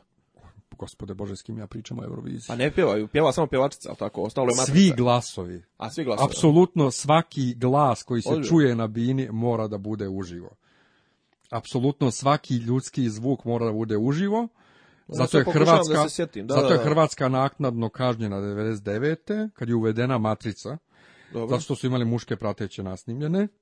Hrvatska je kažnjena, dakle svaki glas mora da bude apsolutno uživo, a dozvoljeno je imati prateće iza bine. A mene je sranje, mene je sranje u svakom slučaju što imaš. Ovaj. Ne, koliko je ono ograničenje? Pet ljudi na bini? Šest ljudi. Šest, pe, e, ja, pet plus, ja, okay. Šest ljudi, šest na, ljudi na bini. Ovaj... A ti smiješ da imaš od tih šest ljudi da neko bude iza bine, kao što ove godine bio vrlo čest slučaj, e, recimo Belgijanka, njih je bilo pet na bini ukupno, a jedan prateći je pjevao od nekog pozadi. Dobro, ajde, one četiri naše prateći nekako, onda onaj džuskator je bio viška. Pa ja o tome i govorim sve vrijeme. Dakle, mi imamo taj način nastupa imamo baletana koji tu nešto kao izvodi i njih četiri u pratećima koji idu malo u krug, malo Fali, falio nam je kavalista.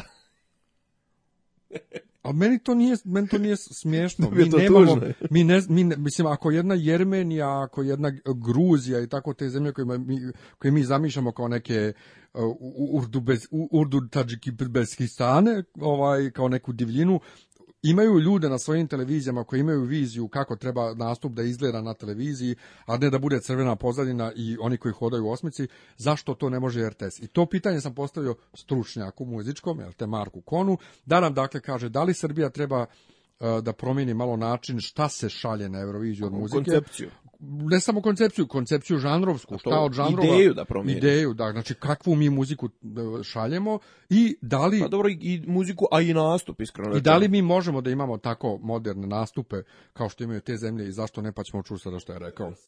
Postoji određena hermetičnost e, kad je u pitanju naš nastup na Eurosongu, gde se i dalje razmišlja e, na način nekih starijih vremena, E, naravno to ide iz toga što e, posmatramo svoje e, uspehe prethodne, pa mislimo da je to na kraju krajeva recept. Znači, široka balada, raskošni vokali, minimalno pokreta, minimalno scene, u nadi da ćemo biti drugačiji. To po meni ne daje dovoljan efekat, odnosno ili nije dovoljno e, svedeno, ili pak, e, ili, mislim, zašto bi uopšte bilo svedeno. Mislim da mi imamo kapacitete da napravimo ozbiljan nastup koristeći sva čuda moderne tehnologije, binu, svetlo, što ste spomenuli, ili sve ostalo, sulude kretnje kamerom, ali iz nekog razloga na to se ne obraća dovoljna pažnja. E, recimo, još jedan od primjera kod a, pesme jel te Sanja Vučić, i u tome da se e, iz nekog, e, mislim, poprilično e, e, ličnog razloga insistiralo na e, živim instrumentima. E, što, je, na, što naravno meni kao muzičar užasno prija, jer to stvara neku, neku drugu sliku. Međutim, e, jako je teško izboriti se sa najmodernijom vrstom produkcije koristeći stare načine. E, da bismo imali e, kvalitetno usnimljene gudače, pod jedan moramo da imamo ljude koji to kvalitetno i fantastično sviraju na jedan, e, zatim moramo da imamo prostor gde to možemo da usnimimo, zatim moramo da imamo odgovarajući studio gde to možemo da obradimo, a nekako se, na, pošto u tome nismo verzirani, to nije naša to nije nešto što se redovno radi, onda to spada u domen eksperimenta. Mislim da bi čak imali uh, E, sigurniji i bolji način da smo se koristili modernim tehnologijama u smislu semplova, e, jer današnji semplovi gudača su potpuno spektakularni, e, prosto bolji su nego ono što možemo da dobijemo kada radimo nešto u čemu, što nam prosto nije nije nešto što radimo svaki dan. Mislim da kada je Eurovizija u pitanju treba da uradimo mm, da se tome pristupi baš onako da uradimo najbolje ono što možemo, A mislim da to možemo i mislim da ovome može da se razmišlja i priča za neke sledeće godine. Eto, kaže čovek da imamo ovaj tehničke mogućnosti da uradimo da, da to bude na nekom nivou, ali insi, očigledno namjerno insistiramo na, na nekom starinskom. Ali e, šta kažeš za ovo, za sviranje živih instrumenta? Pa šta ja znam, ja bi generalno vidio sam jednu neku uh, neku inicijativu mm, da se vrati živa svirka na, na Ima da. Euroviziju i ja čak mislim, simpatično mi je... Ne, stane, mada... stane, ali živa svirka na Euroviziji... Ne, ne, razumijem ne podra... razliku, razumijem, ne nego ovo ja kažem koliko... ja sam možda još... Ja sam, ja sam možda još i, i, i rigidniji po tom pitanju, da on je čovjek muzičar, ja sam neka vrsta muzičara, ja, ja volim žive instrumente, e sad ovaj, nisam, nisam stručnjak za semplovanje, nisam stručnjak, kaže čovjek da imaju, da imaju vrhunski semplovi, da to pa, uopšte Hans nije Zimmer, Hans Zimmer, eh, on ne radi sa orkestrima filmsku muziku. Hans fucking Zimmer komponuje filmsku muziku sa semplovima i mislim, znamo kako to zvuči, ali živa muzika na Euroviziji, E, radilo se do 99. kombinovali su se ovaj e, studijski snimci i živa muzika i to može, sva ova muzika koja se pjeva na Euroviziji, najmodernija produkcija može uživo da se izvede. Pa jebote E, ovaj belgijski, onaj elektronski mm -hmm. muzi, onaj pjevač, elektronski pjevač, mislim pjevač elektronske muzike, njegov on sve svira uživo, on sve instrumente napoji semplovima koje je koristio u, ovaj u komponovanju i o, njegovi muzičari sviraju uživo i to zvuči kao ploča. Dakle može da se izvede, ali govorimo o načinu produkcije Pa dobro, mi nemamo ni studio da se snime. Prodigy je jedan od najjačih bendova uživo i on dosta toga, mislim, dosta toga ono što izvode, izvode na ka, da kažemo u, ono manirom žive svirke. Ovaj a, a ljudi su ono bogovi elektro, o, elektronike. Ovaj, ali ja bih se vratio na ovo prvo prvi dio njegovog izlaganja. Ja stvarno mislim da je nas Željko Joksmović zajebao onim drugim mestom sa Lane Moje jednostavno obilježio nas i sad mi smo tu smo se osjetili, to je bilo naše je tako prvo pojavljivanje poslije, poslije sankcija. Tako je. I mi smo i mi smo se osjetili da nam je to dobitna formula i sad mi to guslamo, us, mislim, usralo nas je i, i prošli smo dobro sa molitvom, iako ajde molitva i nije toliko taj, taj fahona iščićena bila od tih, od tih e, malo, uh, malo. Imala, imala isto tako imala frulice, neke... ima istu količinu frulice kao ova sad Vučić e, pjesma. Ali, znaš, kažem ti, onaj, o, to je jedno ono, uljuljkanost u, u, u sigurno ono, malo ziheraštvo RTS-a i te čitave te ekipe koja to... Imali smo mi momente kad smo iskakali, no, nažalost nismo prošli, imali smo, ne znam, onu Ninu, kako se zvala, Radović. E, da. E, ona je išla baš sa ljetnom pesnicom, ono, sa popićem i to smo nismo nešto se e, Zine, proslavili, ali tako? Stane, ali to je popić 68. To pa to je Popić, Popić ja, sam Popić ja sam nju tačno bila je obučena bila je obučena kao kao Nancy Sinatra ili šta već sa onim nekim onim. prateće su imale one perike, punđe, pori, porike, perike, tako da to je Popić 68. Da, dobro, to je bio promašaj, mislim, imali smo mi tih i ispada, ono, i, i, i breginih i ovako, onako, tako da smo zapravo, ono, aj, neko je u jednom momentu odlučio da se držimo onoga u čemu smo dobri, tačnije kako smo dobro prošli I jebi ga, to je ono koji u futbalu, znaš, kao eto, osvojili smo, ne znam, nekad nešto smo davni dano, dobro smo igrali sa tom i tom postavom, pa postava koja se, koja dobiva ne mijenja se i forma koja izgleda dobija ne mijenja se, bare tako u našim ovim, u našem, našem timu koji to organizuje Ne znam dokle ćemo e, tako. I onda, prošlo, i onda smo 2012. poslali ponovo Joksimovića, koji je opet bio treće mjesto. Dobro, njega ljudi vole. To, ne, sam zato što ga, što ga ljudi vole na Euroviziji, zato ok, ta pjesma nije bila loša, ali dalje... Uh, oni, to, to ih je samo zacementiralo, ali nije problem to što oni samo idu na, ziher, na, na, na zihericu, na, bož na zihericu, na, na siguricu, nego što oni ne znaju. Oni nemaju pojma. Evo ti Duška, ja, ja ne gledam već godinama ovaj, RTS prenose, zato što prvo uh, kropuju sliku na ovaj kvadratni oblik starinskih televizora. Ja gledam na HD. 403. To je jedno drugo zvuk u njihovom prenosu zvuči kao jeftine karaoke. Ja gledam prenos direktan streaming ovaj iz arene ovaj EBU-ov na YouTubeu bez komentara, bez reklama, što je najbitnije, ono kad ide nastup interval ekta, ovaj oni puste reklame i onda jedne godine kod nas... ničega toga na HD-u samo da Nema znaš. svejedno, ali većina ljudi ne gleda HD po Bogu, mislim ne treba da bude ni na obično. Pa ja zbog toga plaća i gledam, se mislim, pretplata, zbog... plaća se pretplata i ne treba uveče na takvom prenosu da bude reklama tačka. Ali 2012. u interval aktu kad je pjevala Marija Šerifović, ljudi u Srbiji nisu vidjeli. To je prvi put bilo da se primijeti da nešto tu nedostaje u tom u, u tom periodu prenosa. Ali Duška Vučinić, Vučić koja je, Vuč, ne, Lučić ili Vučić, ne znam, nije ni bitno, Vučinić, Lučić. Vučinić, Lučić, ja. Lučić, da. Ona, žena već preko 10 godina komentariše i svaku Euroviziju dokazuje da Iskik, niti je zanima. Iskiksira maksimalno. Ne, da, niti je zanima. Niti, ona čita tamo s nekog papira nešto. Niti nju zanima to. Niti nju zanima iko osim naše, našeg uspjeha. Ona se iznervira kad, naši, kad, na, kad se vidi da naši ne prolaze dobro, ona krene, ona udari. Ima, po neko... ima užasno homofobične izjave prljave, e, izba, ovaj, e, nema najelementarnije... Neprofesionalne ne, ma, našto je ne, neprofesionalne, ne mi se za to, evo, mi smo sad neprofesionalni kako pričamo, al ovo je naš privatni podcast, nego žena nema najelementarnije znanje o o, o tome gdje sjedi i pa šta radi. A o tome ti pričamo, o toj Ona, neprofesionalnosti upala je, nisi ti gledao. Pa dakle, zato to hoću da pomijem što sam ti rekao. Dakle, uh, holandski pjevač uh, je imao pjesmu koja traje u studijskom snimku 2.43, a 3 minuta je granica ne, nije obavezna granica, ali čovjek je htio da se zeza i ubacio je 10 minuta tišine u sred pjesme. 10 sekundi. E, des, da, 10 sekundi ovaj, tišine u sred pjesme i onda se nastavi pjesma i pošto je on pjevao u prvom polufinalu koje nije ona komentarisala, samim tim ona nema pojma šta je bilo u prvom polufinalu i šta se desilo u tih 10 sekundi. A pred kraj, ta pauza je pred kraj pjesme. Nije, na sred. Ne, je, ne pre, pa recimo poslije dva, dva minuta i uglavnom da ima još da. poslije toga još jednom otpjeva recimo refren. Znači ima još mhm, jedno dva, put, dva, puta dva puta refren, pa eto 20-30 sekundi, ali uglavnom ona je usred pjesme, on, usred pjesme, bukvalno u tu, toku te pauze ona je krenula da kaže pa evo, ne znam, holandski predstavnik mnogo simpatično zvuči, čovjek nastavlja da, da svira, da pjeva i ona i ladno nije se ni, ni, ni, izvinula, ovaj, ni izvinula za, to, za taj njen kiksu, ne, ona je prešla preko toga kao, otprilike ona je kapirala da je on nju zajebo, mislim. Ma da, ma ne, žena je 2007. kad smo mi pobjedili, ona je ovaj, rekla, izvinite, ali ja moram da idem, i skočila je, znači čulo se kako baca, slušali se kako otvara vrata i trči tamo da intervjuše Mariju, A šta već radi. Koje godine je bila ono iznervirana do bola?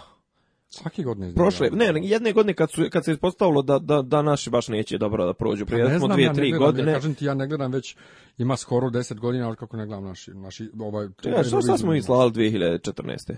Prije dvije 2014. godine. 2014. Da. Jesmo islali uopšte išta? Kad e, smo e, pravili pauzu? Mislim da nismo učestvovali. Aha. A prošle godine? Prošle godine Bojanu. Bojan, da e mislim da je prošlo, onda recimo da je za prošlu godinu. Uglavnom ona je krenula sa tim i homofobičnim i ovim i onim ispadima pa otprilike. Što... rekli smo da je Srbija imala gay friendly pjesmu prošle godine. Ne, da, da, da, a al kažem ti, imala je u jednom momentu ono kad je skap... nešto iš, iš, iš smo sa visokim pla...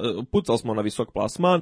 Mislim da je baš bila Bojana u pitanju. Uglavnom Ona je kad je videla da, da naša kola idu nizbrdo, ona je krenula da proziva, da, da se ono da, da, da iskazuje smorenost. Baš je bilo. Uglavnom ne gledaš na RTS-u i bolje ti je što ne, što ne gledaš na RTS-u. E, sad šta je meni problem? Hoćemo na naš nastup. E, možemo na naš nastup e, samo samo samo za, za, za dušku da kažem e, čuje mi da je nešto vrijeđala na određeni način onaj segment sa Ianom Mekelenom i onim drugim glumcem.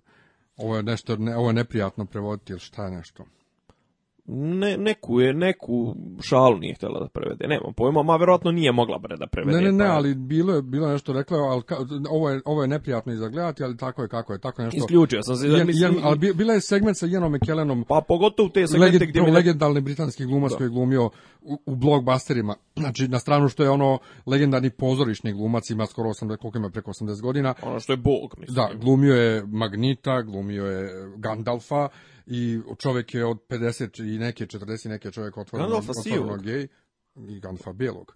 Ovaj, Vranolujnog. Hm? Vranolujnog. Da. da. Ovaj, I čovjek je... A ne znaš odakle ovo, očigledno, ajde, ovo je, mislim, ja sam sad krenuo sam, ubacio sam referencu na jedan drugi show, ali nema veze, ajde. Dobro, ovaj... ko, ko, ko shvati, shvati će. Tako je, tako je. Ovaj, u svakom slučaju, čovjek je otvoreno gej i bila neka, neka gej fora je bila s njim, naravno, jer na Euroviziji, pogotovo kad je u Švedskoj, mora da se u LGBT prava.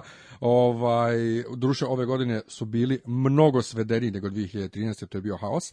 Um, Dobro su mi se i... zajebavali na svoj način. Jeste, ali ona, ona je nešto tu, lo, no, znači, ona čak ne zna ni, ni koja. Isto mi je smetalo 2005. E, kad je bio Boris Novković i bile su ladarice s njim, ovaj, njih 3-4. I ja sam po načinu pjevanja shvatio da su ladarice jer i znam sa albuma Bijelo dumeta iz 84 i cijela Jugoslavija zna taj zvuk ladarica i ona kaže e, kao Boris Novković i Lado Members.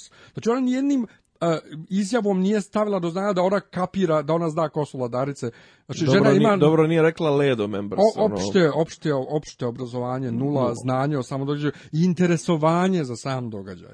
I, ono, kao, ali što tiče našeg nastupa, kao što e, Kon malo prije reče, blijedo. Znači, pjesma je, što se mene tiče, pjesma je dobra, ali očigledno se ne uklapa u miks ove godine, Uh, Dobro, to, to, na to ne možemo da utičemo. Da, to ne možemo da utičemo, odnosno možemo, možemo da pratimo šta su muzički trendovi, mi to ne pratimo. Dobro. Ovaj, jer smo se ukopali u tom, u tom određenom, da je čak jedno rock pjesme moramo da imamo par frulica. Uh, e, insistiranje na tome pjesma mora prenese emociju jer to je o zlostavljanju žena. Frulo e, moja um, Ne razumnaš kao mi imamo taj standardni nastup. Meni neko rekao, e, izvini, moram da idem da, da, da gledam, e, da navijam, moj drugar je režirao nastup. Kam, šta tu ima da se režira? Ono, moja baba može da režira. Znači, njega koji igra balet oko nje, onako stoji ko Mortiša Adams ukopana i pravi ono, nešto malo od onih svojih faca, bila je svedena u odnosu na, na, na dosadašnje ovaj, izdanja. I njih četiri koja, koje s njom pjevaju, koje su super, otpjevale prateće vokale, ali koji imaju taj standardno korak napred, korak nazad, uhvatimo se za ruke, idemo u krug, ajmo u x, ajmo u osmicu i stanemo pored nje i, i pjevamo. Dakle, mi nemamo Folkloraž. uopšte smisao za nastup, a one izvođače one izvođača koji imaju smisla za nastup kao što su Ana Nikolić, kao što je kao što su Đogani, koji Karleuša. Znaju, e, Karleuša, da. Mi to, to ne damo na Euroviziju ni pošto da prismrdi Euroviziji, a pritome kolektivno svi svršavamo na jermenske ovaj Karleuše i na, i na, i na turske Karleuše i na sve te. Znači, ču, jako smo šizofreni kad je Eurovizija u pitanju, jer ono što sam rekao kad sam pričao o kvalitetu Euroviziji, Eurovizija nije nikakav festival kvalitetne i nobles muzike, nego je to takmičenje one muzike koja se najviše sluša, a kojoj mi ne damo pristup Euroviziji. Pa, trešerice. Nemam ja ništa protiv trešerice, meni iskreno, konkretno u, našem, u slučaju naše predstavnice, ono što, što je meni, zavis, mislim da je to bilo u pitanju, mislim da su njoj rekli, ej, znaš šta, previše se kreveljiš o, tokom nastupa, ono izgleda malo spuki i čak i mi smo to prokomentarisali i sad bih, nažalost, ovaj, ja bi sad povukao svoj komentar, jer ono njeno meni bilo zapravo, na kraju se ispostavilo simpatično i ono što je nju izdvajalo i očigledno davalo joj slobodu. Mislim, ok, nema se njenom pjevanju, ne, ne možeš ti naći neku zamjerku, ali generalno su ono, kako da kažem, dump down, numb down, šta su već naš nastup su umrtvili kao da kao da je ono ajde da anestetiramo sve.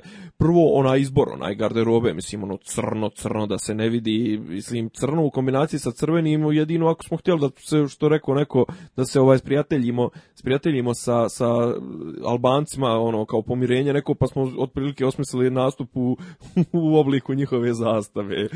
Pa ne znam, iskreno meni je, meni je ovaj odjeća bila sasvim sasvim ok, eh, s obzirom na temu pjesme, znači potpuno potpuno mi je ovaj Dobro, ali bilo je premračno, mislim, darkerski je bilo. Premračno, ali nije bila odjeća premračna, da. nego osvjetljenje. E, osvjetljenje i animacije bine. Dobro, mislim, ona je ono kao uz ono rešetke da, sve to. Sve to ajde, nije to okay. toliko loše bilo. Ona je zapravo kažem, ona je žena, žena simpatična, mislim, ono ja, nije neka ribat, nije neka ribetina, ali je mnogo slatka. Ne, ali neverovatno koliko je ona slatka u, i u onom, i onom kli, klipu one razglednica, koliko mm -hmm. ona mhm. lijepa, pod navodnicima privatno našminka, a kako naprave od nje ono... Ne, napravo su od nje mm. ženu mortišu, pa bukvalno. Pa da, ali to su radili... ima 40 godina, žena ima 20 Znači, pravio je šminku u rasponu od Mortiša Adams do Amy Winehouse. Umjesto da je puste da bude da bude prirodno. Pa baš su je e, nekako... Inače, moram malu samo upadicu napravim volio bi da znam da li je i koliko je uh, e, Takvud dao para da se onaj segment u, u ovoj u razglednici kad ona ide u kino, to je u bioskop. Da, ovaj, da, da, da, da. da se snimi kod njih. Ovaj. Ja sam po karti. A koji amfiteatar? Amfiteatar na da- filološkom. Na filološkom. Ja sam ube... pa da, da, da je pisala arapski. Da, da, da. Pisala da. arapski, na...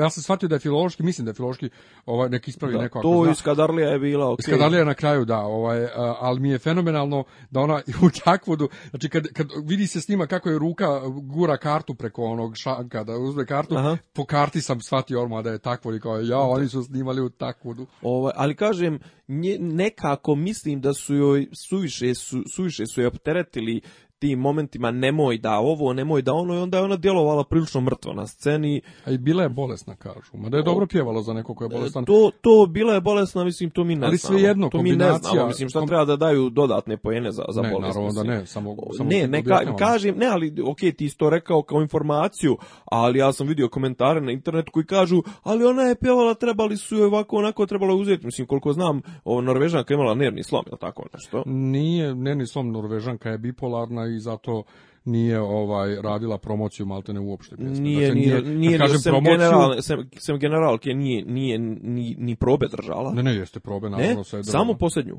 Samo posljednju. Stvarno? Samo posljednju jer je kažu imala neke zdravstvene probleme. A pa ne, ona je bipolarna, ali zbog, zbog toga je... Rečeno... I kažu da je poslije toga kao kad nije se plasirala da je plakala dva sata pa ni to ne znam. Ja, ne, ja Euroviziju, kažem, koliko da ja pratim probe i sve, ja pratim maltene ne samo taj muzički dio. Ona je dakle, žena kao... Ne. Muzički, ali sam slučajno naletio bio na informaciju da je bipolarna mm -hmm. i da zato ne radi promocija. A promocija Eurovizije podrazumijeva putovanje u tim mjesecima pre Eurovizije. Ja, da. Putovanje od zemlje do zemlje, gostovanja po televizijama, gostovanja na koncertima i pjeva se u toku same Eurovizije po žurkama drugih zemalja se pjeva. Da, da. Ova, ona žena nije radila ništa od, tih, od te promocije. Kaže, ali nije radila nijednu probu. Nije radila ali ja sam se šalio da je, mislim, zato što je ona bipolarna, otod, otodova njena bipolarna pjesma. Ovaj.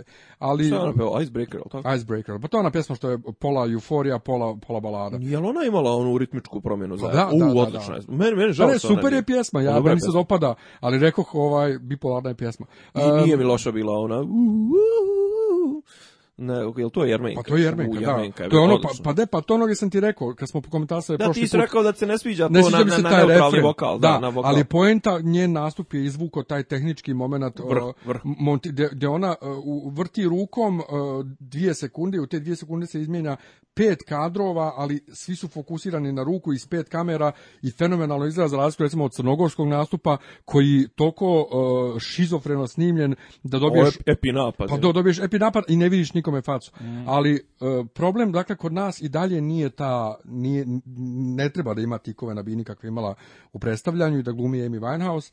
Pa, nego jednostavno ali, pazi, ja mislim da, da energija ona pjesma. to ni radila, verovatno namirno, jer ako je to dio njene ličnosti, dio njenog nastupa, pa nemoj je ni spotavati. Ne, ja bi, treba, mislim, treba, mislim da je, pa mislim da je to bilo baš da bi se usrala. Ne bi prošli bi još gore. Prošli bi još gore, pa mislim da se da Ali nismo ni prošli ne, nikako, nikako da ni da ovako. Da se usrala, da se usrala ne bi pjevala. Ona je pjevala jako dobro, ali e, komplet kompletna energija pjesme u tom bezličnom, bezveznom nastupu nestala u toj neosjetljenosti u, u svemu. Dakle, Ko da neko povuko vodu je. Da, I sasvim, i sasvim uh, u, u svjetlu svega ostalog šta, se, šta je bilo na Euroviziji, sasvim zasluženo 18. mjesto. Dakle, apsolutno nije, nije, nije bio mjesto bilo ni blizu top 10. Ko ti je podbačaj, ko ti je pozitivno iznenađenje? Pozitivno iznenađenje, pa pozitivno iznenađenje... Plasmanom, nastupom, kako hoćeš. Ne, pozitivno iznenađenje meni lično prvo Jermen kada mi se dopala na kraju mm -hmm. toliko koliko mi se dopala, iako ja nisam rekao da je to, da mi se ne sviđa pjesma, nego samo taj refren i sve to, ali nastup, e, taj, kako da objasnim, taj tehnički moment nastupa fenomenal.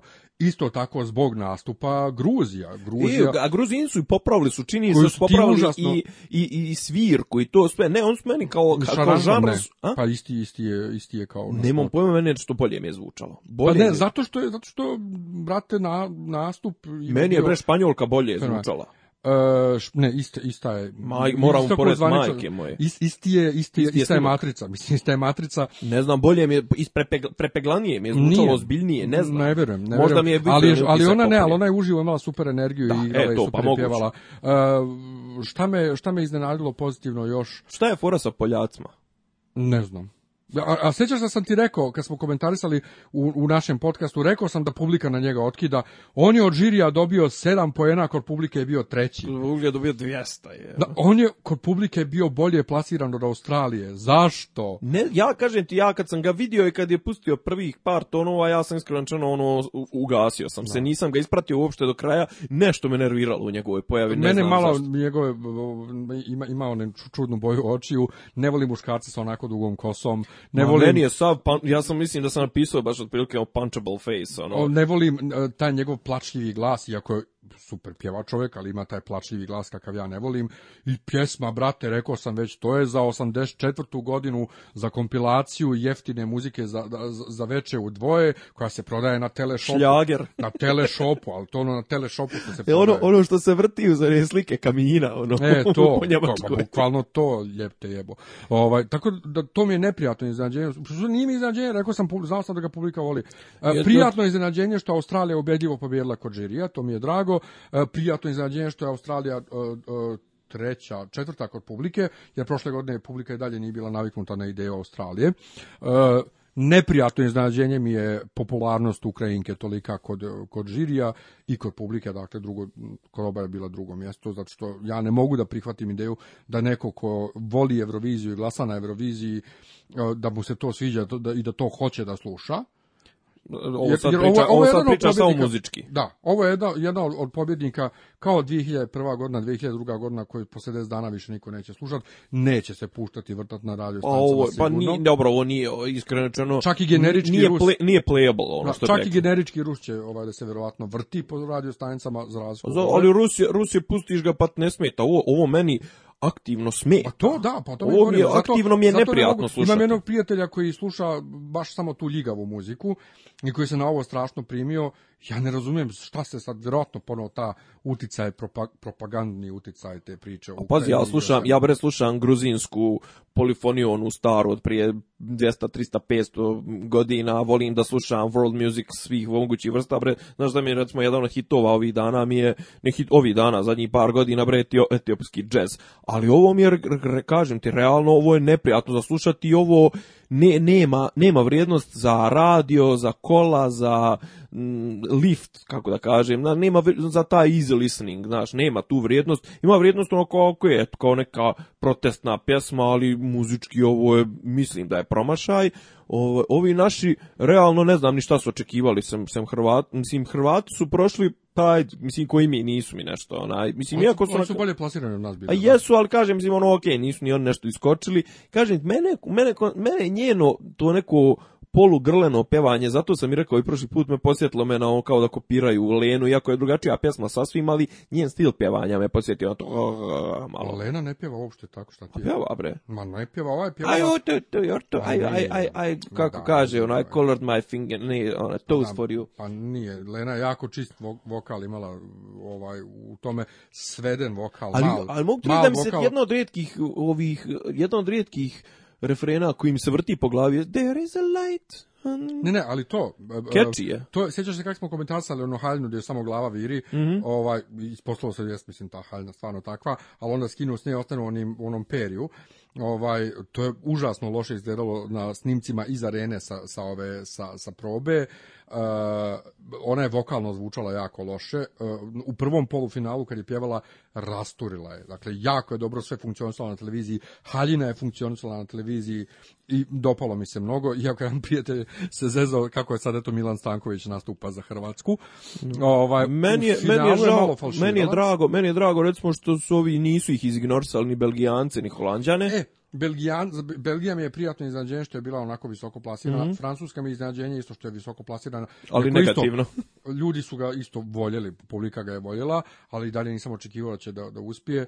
Uh, Izraelac isto nešto, on mi je bio, on mi je brate ni cvrdi se. E, ali to je isto jedna od onih pjesama gdje uh, nastup ti upotpuni malo pjesmu koja, ti, koju ne bi slušao ovako mimo nastupa, ali taj nastup, ta energija neka koju on nosio sa sobom i one zvijezde, sveden nastup, ali lijepo urađen, ovaj ono bio mi je gledljiv. Da, meni je žao mi je recimo jedino što nije prošao Serhat. Da Znaš, jedino što nisam nikako mogao da gledam i što nikako nisam ovaj htio ni da slušam je ovaj Danska i Velika Britanija.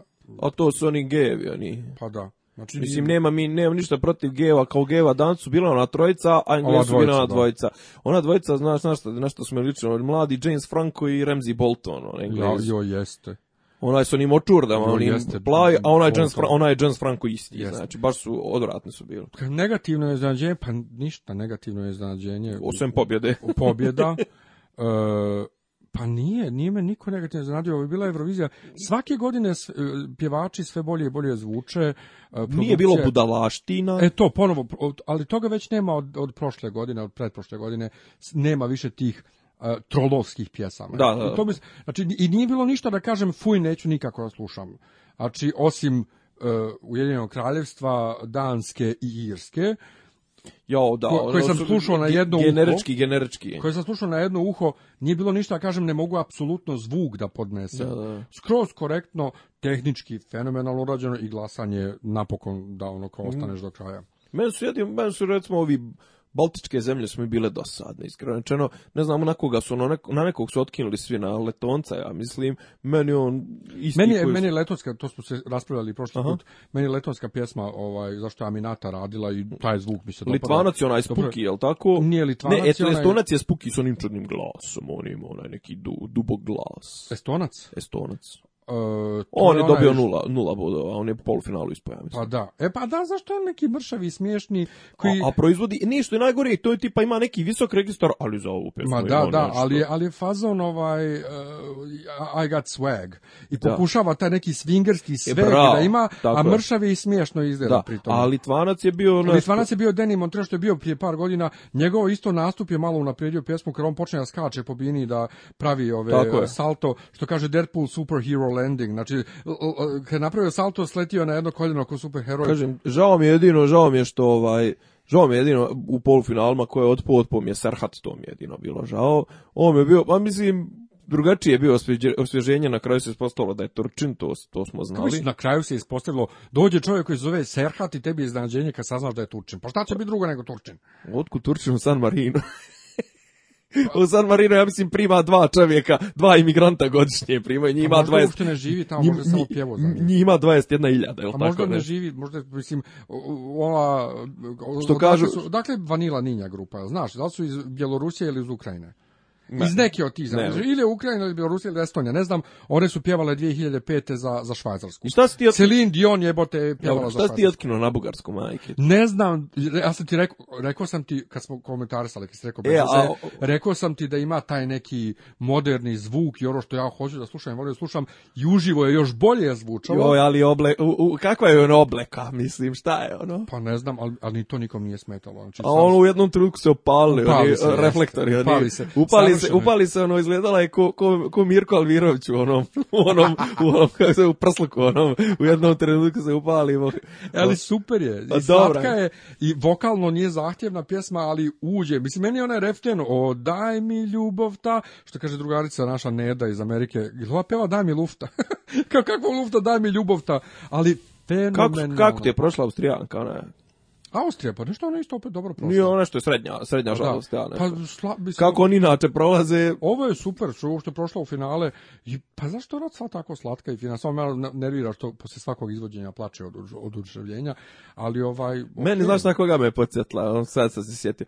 Na Jovajnu iz, iz iz eh, ovog gospodara prstena. Ali ovaj je ono jaka žena, ovaj onako. Ova je, ova je, brate, bože sačuvaj. Ovaj dra, mislim drago mi je. Žao mi je, žao mi je što, što, što Britanija i Njemačka i Španija ponovo bauljaju na dnu liste, ali pobogu samo pošaljite bolju Pošalj pjesmu. Pošaljite bolju pjesmu i dobro ćete proći, mislim. I uglavnom meni je žao što Drago mi je što, da što Grci što Grci nisu sad Grcu poslali troll pjesmu.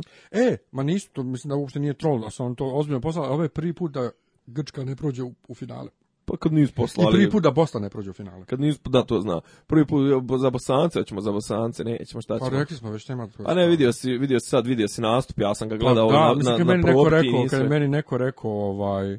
Neko je se zajebao Arsen Paščarkić šta ćemo sad, šta ćemo sad, eto di nam ispade. Ja sam rekao, uzmem onu bodljikavu žicu, uvaljamo ga o nju i ad akta, brate, dosta te.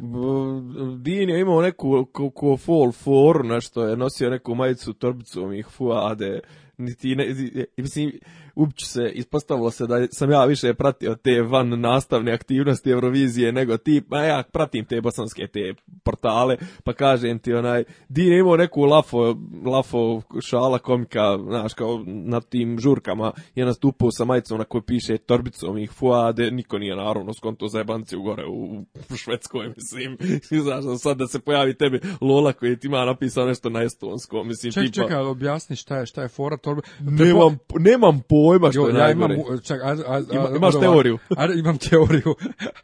I have a theory. Uh, e, torbicu mi fuade. Znači, možda ga je neko negdje prozivao pederu, pederu, a neko je rekao torbico mi fuade. Pa odpri, verovatno je bilo nešto na taj fazon. Uglavnom, on sad iskukali, pa to je, to, to zahtjeva, iskukali su... To zahtjeva muda, ima takvu formu. Da.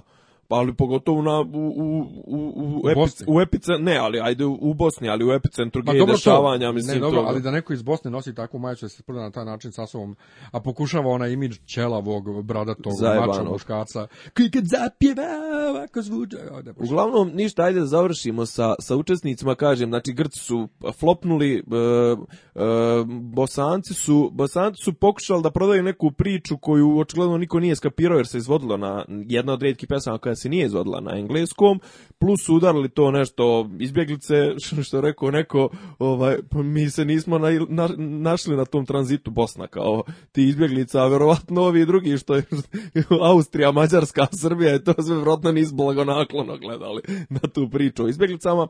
Uglavnom, ajde čisto još par, minut, par minuta za ove netakmičarske dijelove. Justin Timberlake je predstavljao Vatikan, jel? Koga već? e, ali kad, kad, kad mi neko, eto opet Neda iz Amerike, ova, kaže šta će Justin Timberlake na Euroviziji, oni ovdje ni ne znaju za Euroviziju. Prvo, ovo je godina prvi put da se prenosilo u Americi uživo. Pa dobro, do, da, pazi, ovaj, Justin, ja nisam sad neki njegov ljubitelj, ali dobar je za promociju, sigurno. Mislim, kao lice koje će da promoviše američkoj publici, možda će neko da pogleda Euroviziju baš zbog toga. Nastupa, da, ali pojenta njegovog nastupa nema nikakve veze s Amerikom. Ni On je čovjek super zvijezda. Pa znači, na, njegov nastup je bio a ti dođi, trenutno promoviše film ovaj Trolls, one, one trolo, trolove, one lutkice, znaš čupave one lutkice malo. To, one. drugi dio šta? Prvi dio. Ne, ja znam da imaju neki trolovi skuti, kutije, ali to nije taj film, okej. Okay. Znam, ne, znam, znam, znam, znam. Lutkice one, trolovi čupavi. Znam, znam, to možeš, E pa to, u različitim bojama. Aha. E pa to, napravili su film s tim. Aha. I on, on tu je jedan od glumaca da. ovaj pošto on time čovjek već dugo bavi i ovaj radio je Karnal, Karnal glumca uradio je pjesmu ovaj, e, za film i trenutno promoviše singl, a oni su htjeli malo da stave dobar ovaj, neki malo nastup, da privuku i doma, lokalnu evropsku publiku malo više Euroviziji ponovo i čovjek došao. Znači, nema nikakve veze s Amerikom, osim što se prenosi u Americi, niti mora publiku pazi, u Americi. Doba, da dobra je fora, mislim, da zoveš nekoga ko je, ne, da, ali da zoveš nekoga ko je zvijezda u Americi, ako već ideš na to tržište, glupo je bilo da zove o Čolu ili Željka naravno, ne, ne, naravno. Ovaj, tako da njegov nastup je bio super i sve to bilo super i ono što je bio prvo u Green Roomu među pjevačima i ti viš pjevača koji su oduševljeni ovaj, njegovim prisustvom tu, ali um, između, između posljednje pjesme u finalu i početka glasanja je 50 minuta prošlo. Dakle, I mogu ti da sam se iznenadio što je dugo. Bilo dugo je previše praznog ovaj, Nije, ali nije uopšte bilo praznog hoda, bilo je pre, interval eh, tih nastupa, uh, ali Ove godine su ti e, interval aktovi bili svi toliko dobro osmišljeni i, i zabavni, uh mhm. -huh. zabavni da nije bilo dosadno kao inače. Čak i one pjesme koje su pjevali Mons i Pietra ovaj, su bile super i zabavne, a inače su over the top i dosadne i glupe.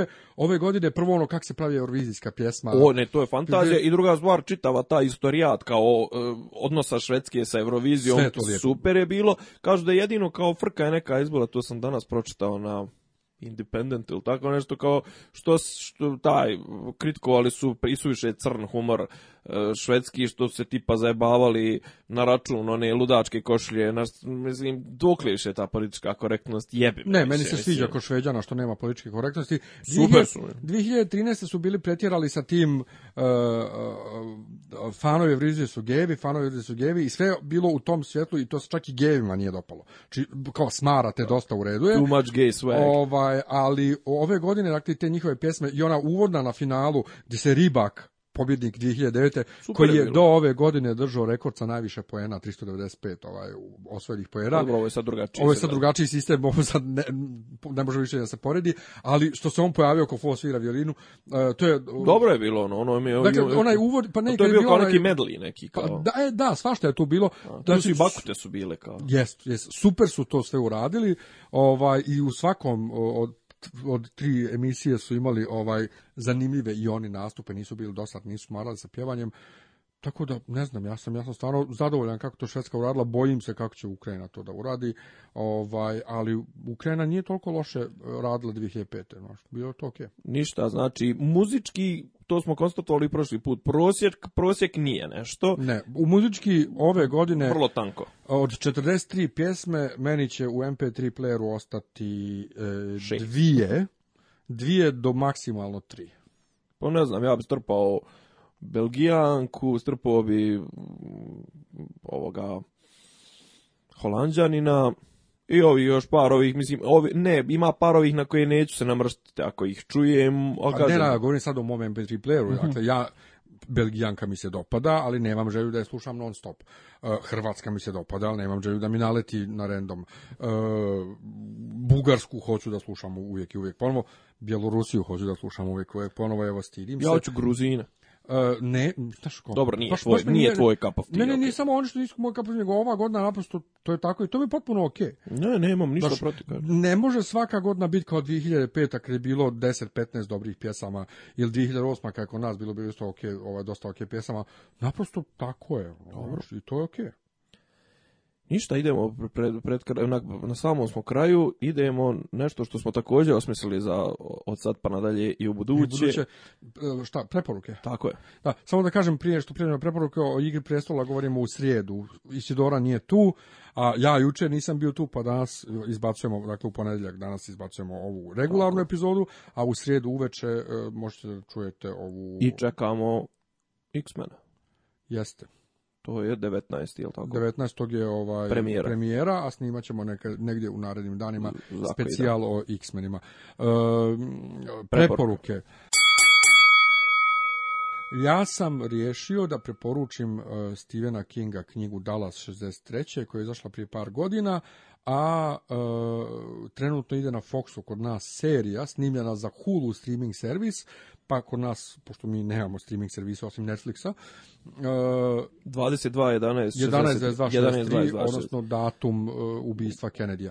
Ja Kinga... Kod nas, bi, kod nas bi u našem čitanju bi uvijek bilo 22. novembar, naravno, to, je, to je američki, da, da. Da, trebalo, mislim, kod nas, ja mislim da je čak Pa, Dala 63. prevod izdavača našeg, ovaj, ja bih preveo 11, 22, 22 11, 63. A ko je, ko je izdavač kod nas? Vulkan, Vulkan, Vulkan nekadašnji Alnari. Pa oni, oni imaju... Ko radi, ko radi Kinga kod nas, on, jel? Da, oni Komplet. imaju prava, Aha. da. Um, dakle, šta o čemu se radi? Kinga nisam godinama čitao. Posljednji roman koji sam njegov čitao je bio 2008. Duma Ki. Posle toga sam nešto prekinuo i onda sam naletio na naslov te knjige i odmah po naslovu, po datumu shvatio da je to nešto o Kennedyju. Otvorio i vidim čovjek putuje kroz vrijeme da spasi Kennedyja. Ja obožavam priče o putovanju kroz vrijeme. To je alternativna istorija, je tako? Ne. Serija? E, se isto, pa serija serija je rađena. je serija baš rađena potom ili da, da, da. vuče, vuče? Da. da. Nisam, nisam uhod, ne, nisam serija je ekranizacija. Aha. Ovaj, ali knjigu mislim treba svakako čitati jer je mm, ono opširnija je. E, šta je SF? Pa to je SF, da nije horor, nije horor, SF je, a Kinga uvijek lijepo čitati u nekim drugim žanrovima van horora, ima naravno horor elemenata sa kad muž napadne ženu nožem i sječe, mislim sve to, ali sama priča je SF. Dakle, čovjek putuje kroz vrijeme, ima ovaj određenu određeni ovaj način da da ode u 58 i uh, da spreči da spreči ubistvo Kennedyja i da spreči još neki par loših stvari koje su se desile. Ovaj i on može on uđe u neki ormar i nađe se u 58 u određenom danu, recimo Ko, Konarnija. Hm? Nešto kao Narnija, da, ali on se uvijek, znači ako se vrati iz te 58. Ovaj, nazad u sadašnjost, Dobro. izmijenjeno je to što on izmijenio, kad ponovo ode, ponovo se vraća u isti trenutak i sve je resetovano što je uradio. I on nekoliko puta ide i pokušava neke stvari da ispravi. Dan mrmota. Je. Da, neke stvari da ispravi i onda konačno kad ode dakle na to duže putovanje pet godina da ovaj spasi Kennedyja, E, ostaje do kraja do 63. A, A inače, inače um, on uh, u stvarnosti, mislim u stvarnosti, u sadašnjosti, koliko on god da boravi tamo, u sadašnjosti prošlo je dva minuta recimo, aha, samo tako nešto. Dakle, znači, što sam ja, što sam ja mislio zapravo da je to alternativna istorija u smislu da je on uspio da spriječi ubistvo, pa šta kako bi svijet izgledao da da je nije to. Aha. Ne, ovo je priča o tome okay. kako on pokušava da spriječi, Aha. kako se prošlost bori protiv toga. To mi je čak i zanimljivije, e, kako se, kako se prošlost bori protiv pro, pokušaja izmjene, kako recimo uh, Lija Har, ja sam baš u ovom recenziji za serije Plus časopis koju uređujem, napisao Uh, znači ti ne znaš kakav je Lee Harvey Oswald bio, ali kako ga je King napisao, znači ne možeš da ne zamisliš da je bio drugačiji. Od, i, i ta njegova žena Ruskinja Marina i uh, CIA kako se tu miješa sve fenomenalno napisano, a posebno je zanimljivo što glavni lik nije kao doktor Who, doktor koji se zna ili Doc Brown koji zna se u ovom. On je slučajno vremenski putnik, on ne može da bira gdje će da putuje, kako će da putuje, šta će. Profesor engleskog najobičniji koji za sebe ima svjež razvod i sjebanje i ovaj on pliva zajedno s nama koji čitamo pliva u, u svemu tome. Sad ću, sad ću da lupim, malo mi, malo mi vuče i na onaj, jel to dvojka povratka u budućnost? ili zapravo cijeli koncept povratka u budućnost, pa kao, da, kao kad ti ono, pokušavaju da izazovu određene, ne kad on ono pokušava da, šta je, šta je motiv, ono nešto keva i čale, da li će se smuva, da li se neće smuva. Motiv u povratak u budućnosti je što je ovaj napravio ovu, kak se zove, napravio je vremeplov mm -hmm. i onda su libijski teroristi koje, od kojih je dobio plutonijum, a onih ih je nešto zajebo, došli i ubili ga, a mali je bježeći od terorista, slučajno se obreo u 50 nekoj aha, aha, i da, majka da. se zaljubila u njega umjesto oca. Da, jer, da, je on, da, da, jer je on spasio oca. On ono kad, kad kopni sa sobstvene slike, jel tako? Da, to je, to je, da. Spasio je oca, zaboravivši da mora da ga udari djel kolima, da bi se mama zaljubila u njega i majka se zaljubi u njega umjesto toga i onda mora da, da, da promeni, ali dakle nije bila intencija da se to desi. Da, da, Ovde, da, da, dakle, on ide s namjerom da spasi Kennedyja okay. i odlično je napisano, zabavno je, Uh, treba gledati seriju, ja sam odgledao četiri epizode od osam, uh, rijetko dobra ekranizacija Kinga, naravno sa svim izmenama koje postoje, ima taj šmek koji ima knjiga, ali prije svega treba čitati knjigu. Izvolite. Pa ništa, ja bih preporučio jednu, jednu seriju, zapravo poludokumentarnog tipa, stvar dokumentarnog tipa, to je ovo što trenutno ide na National Geographic nedjeljom u 9. E, Morgan Freeman da, mislim da se serija zove Bog. Morgan Freeman priča o, priča o Bogu i zapravo nije uopšte ni ni teološka priča samo, niti je samo metafizička, niti je neka, neko teško filozofiranje.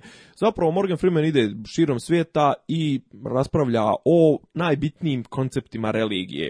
Jedna epizoda je posvećena stvaranju, druga je posvećena čudesima, e, ni ima tu mjeru, znači ne pokušava ni da te navuče da ti sad kreneš da zastupaš ni jedne ni druge stavove i druga stvar ono Morgan Freeman dovoljno sam po sebi. Ima jedna scena E, jedna scena kada on prisustuje pa pashalno večeri e, sa nekim jevrejima i onda mu on daju da, da im on pročita jedan od tih tekstova i sad znam se da ti kod nas dođe Morgan Freeman da ti čita naslavi očenaš ili tropar, tropar slave, misli to je bilo fantastično. I on je, on je onako šmele, e, ide priča sa budističkim monasima koji ga uglavnom najviše ga oni zezaju, ono kontroluju ga, baš juče je bila epizoda kada se sreće sa jednim budističkim monahom i matori se okreće njemu kaže, pa ja tebe znam. Kao, gledao sam te u filmu, kaže Morgan Freeman u kom filmu? E kao, pa sad ne znam koji je film, ali kao znam da sam te gledao u filmu.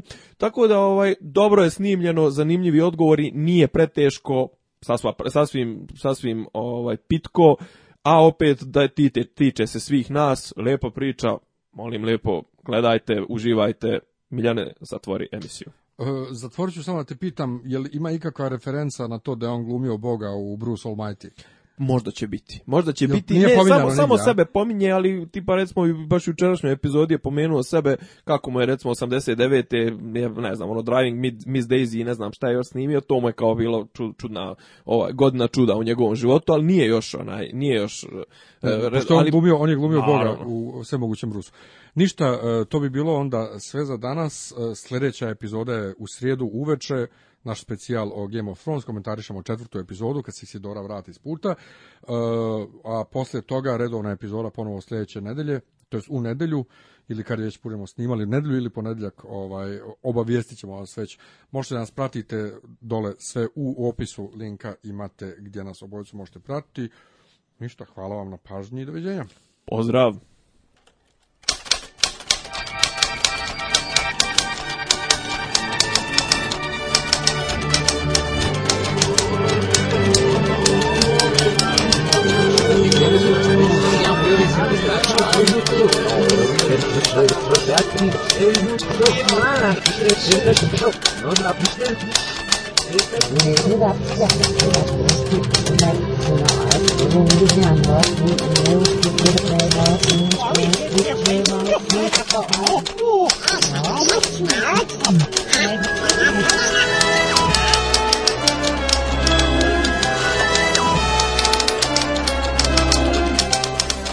Dopisi iz Disneylanda. Tišina tamo, ništa mi nije smešno.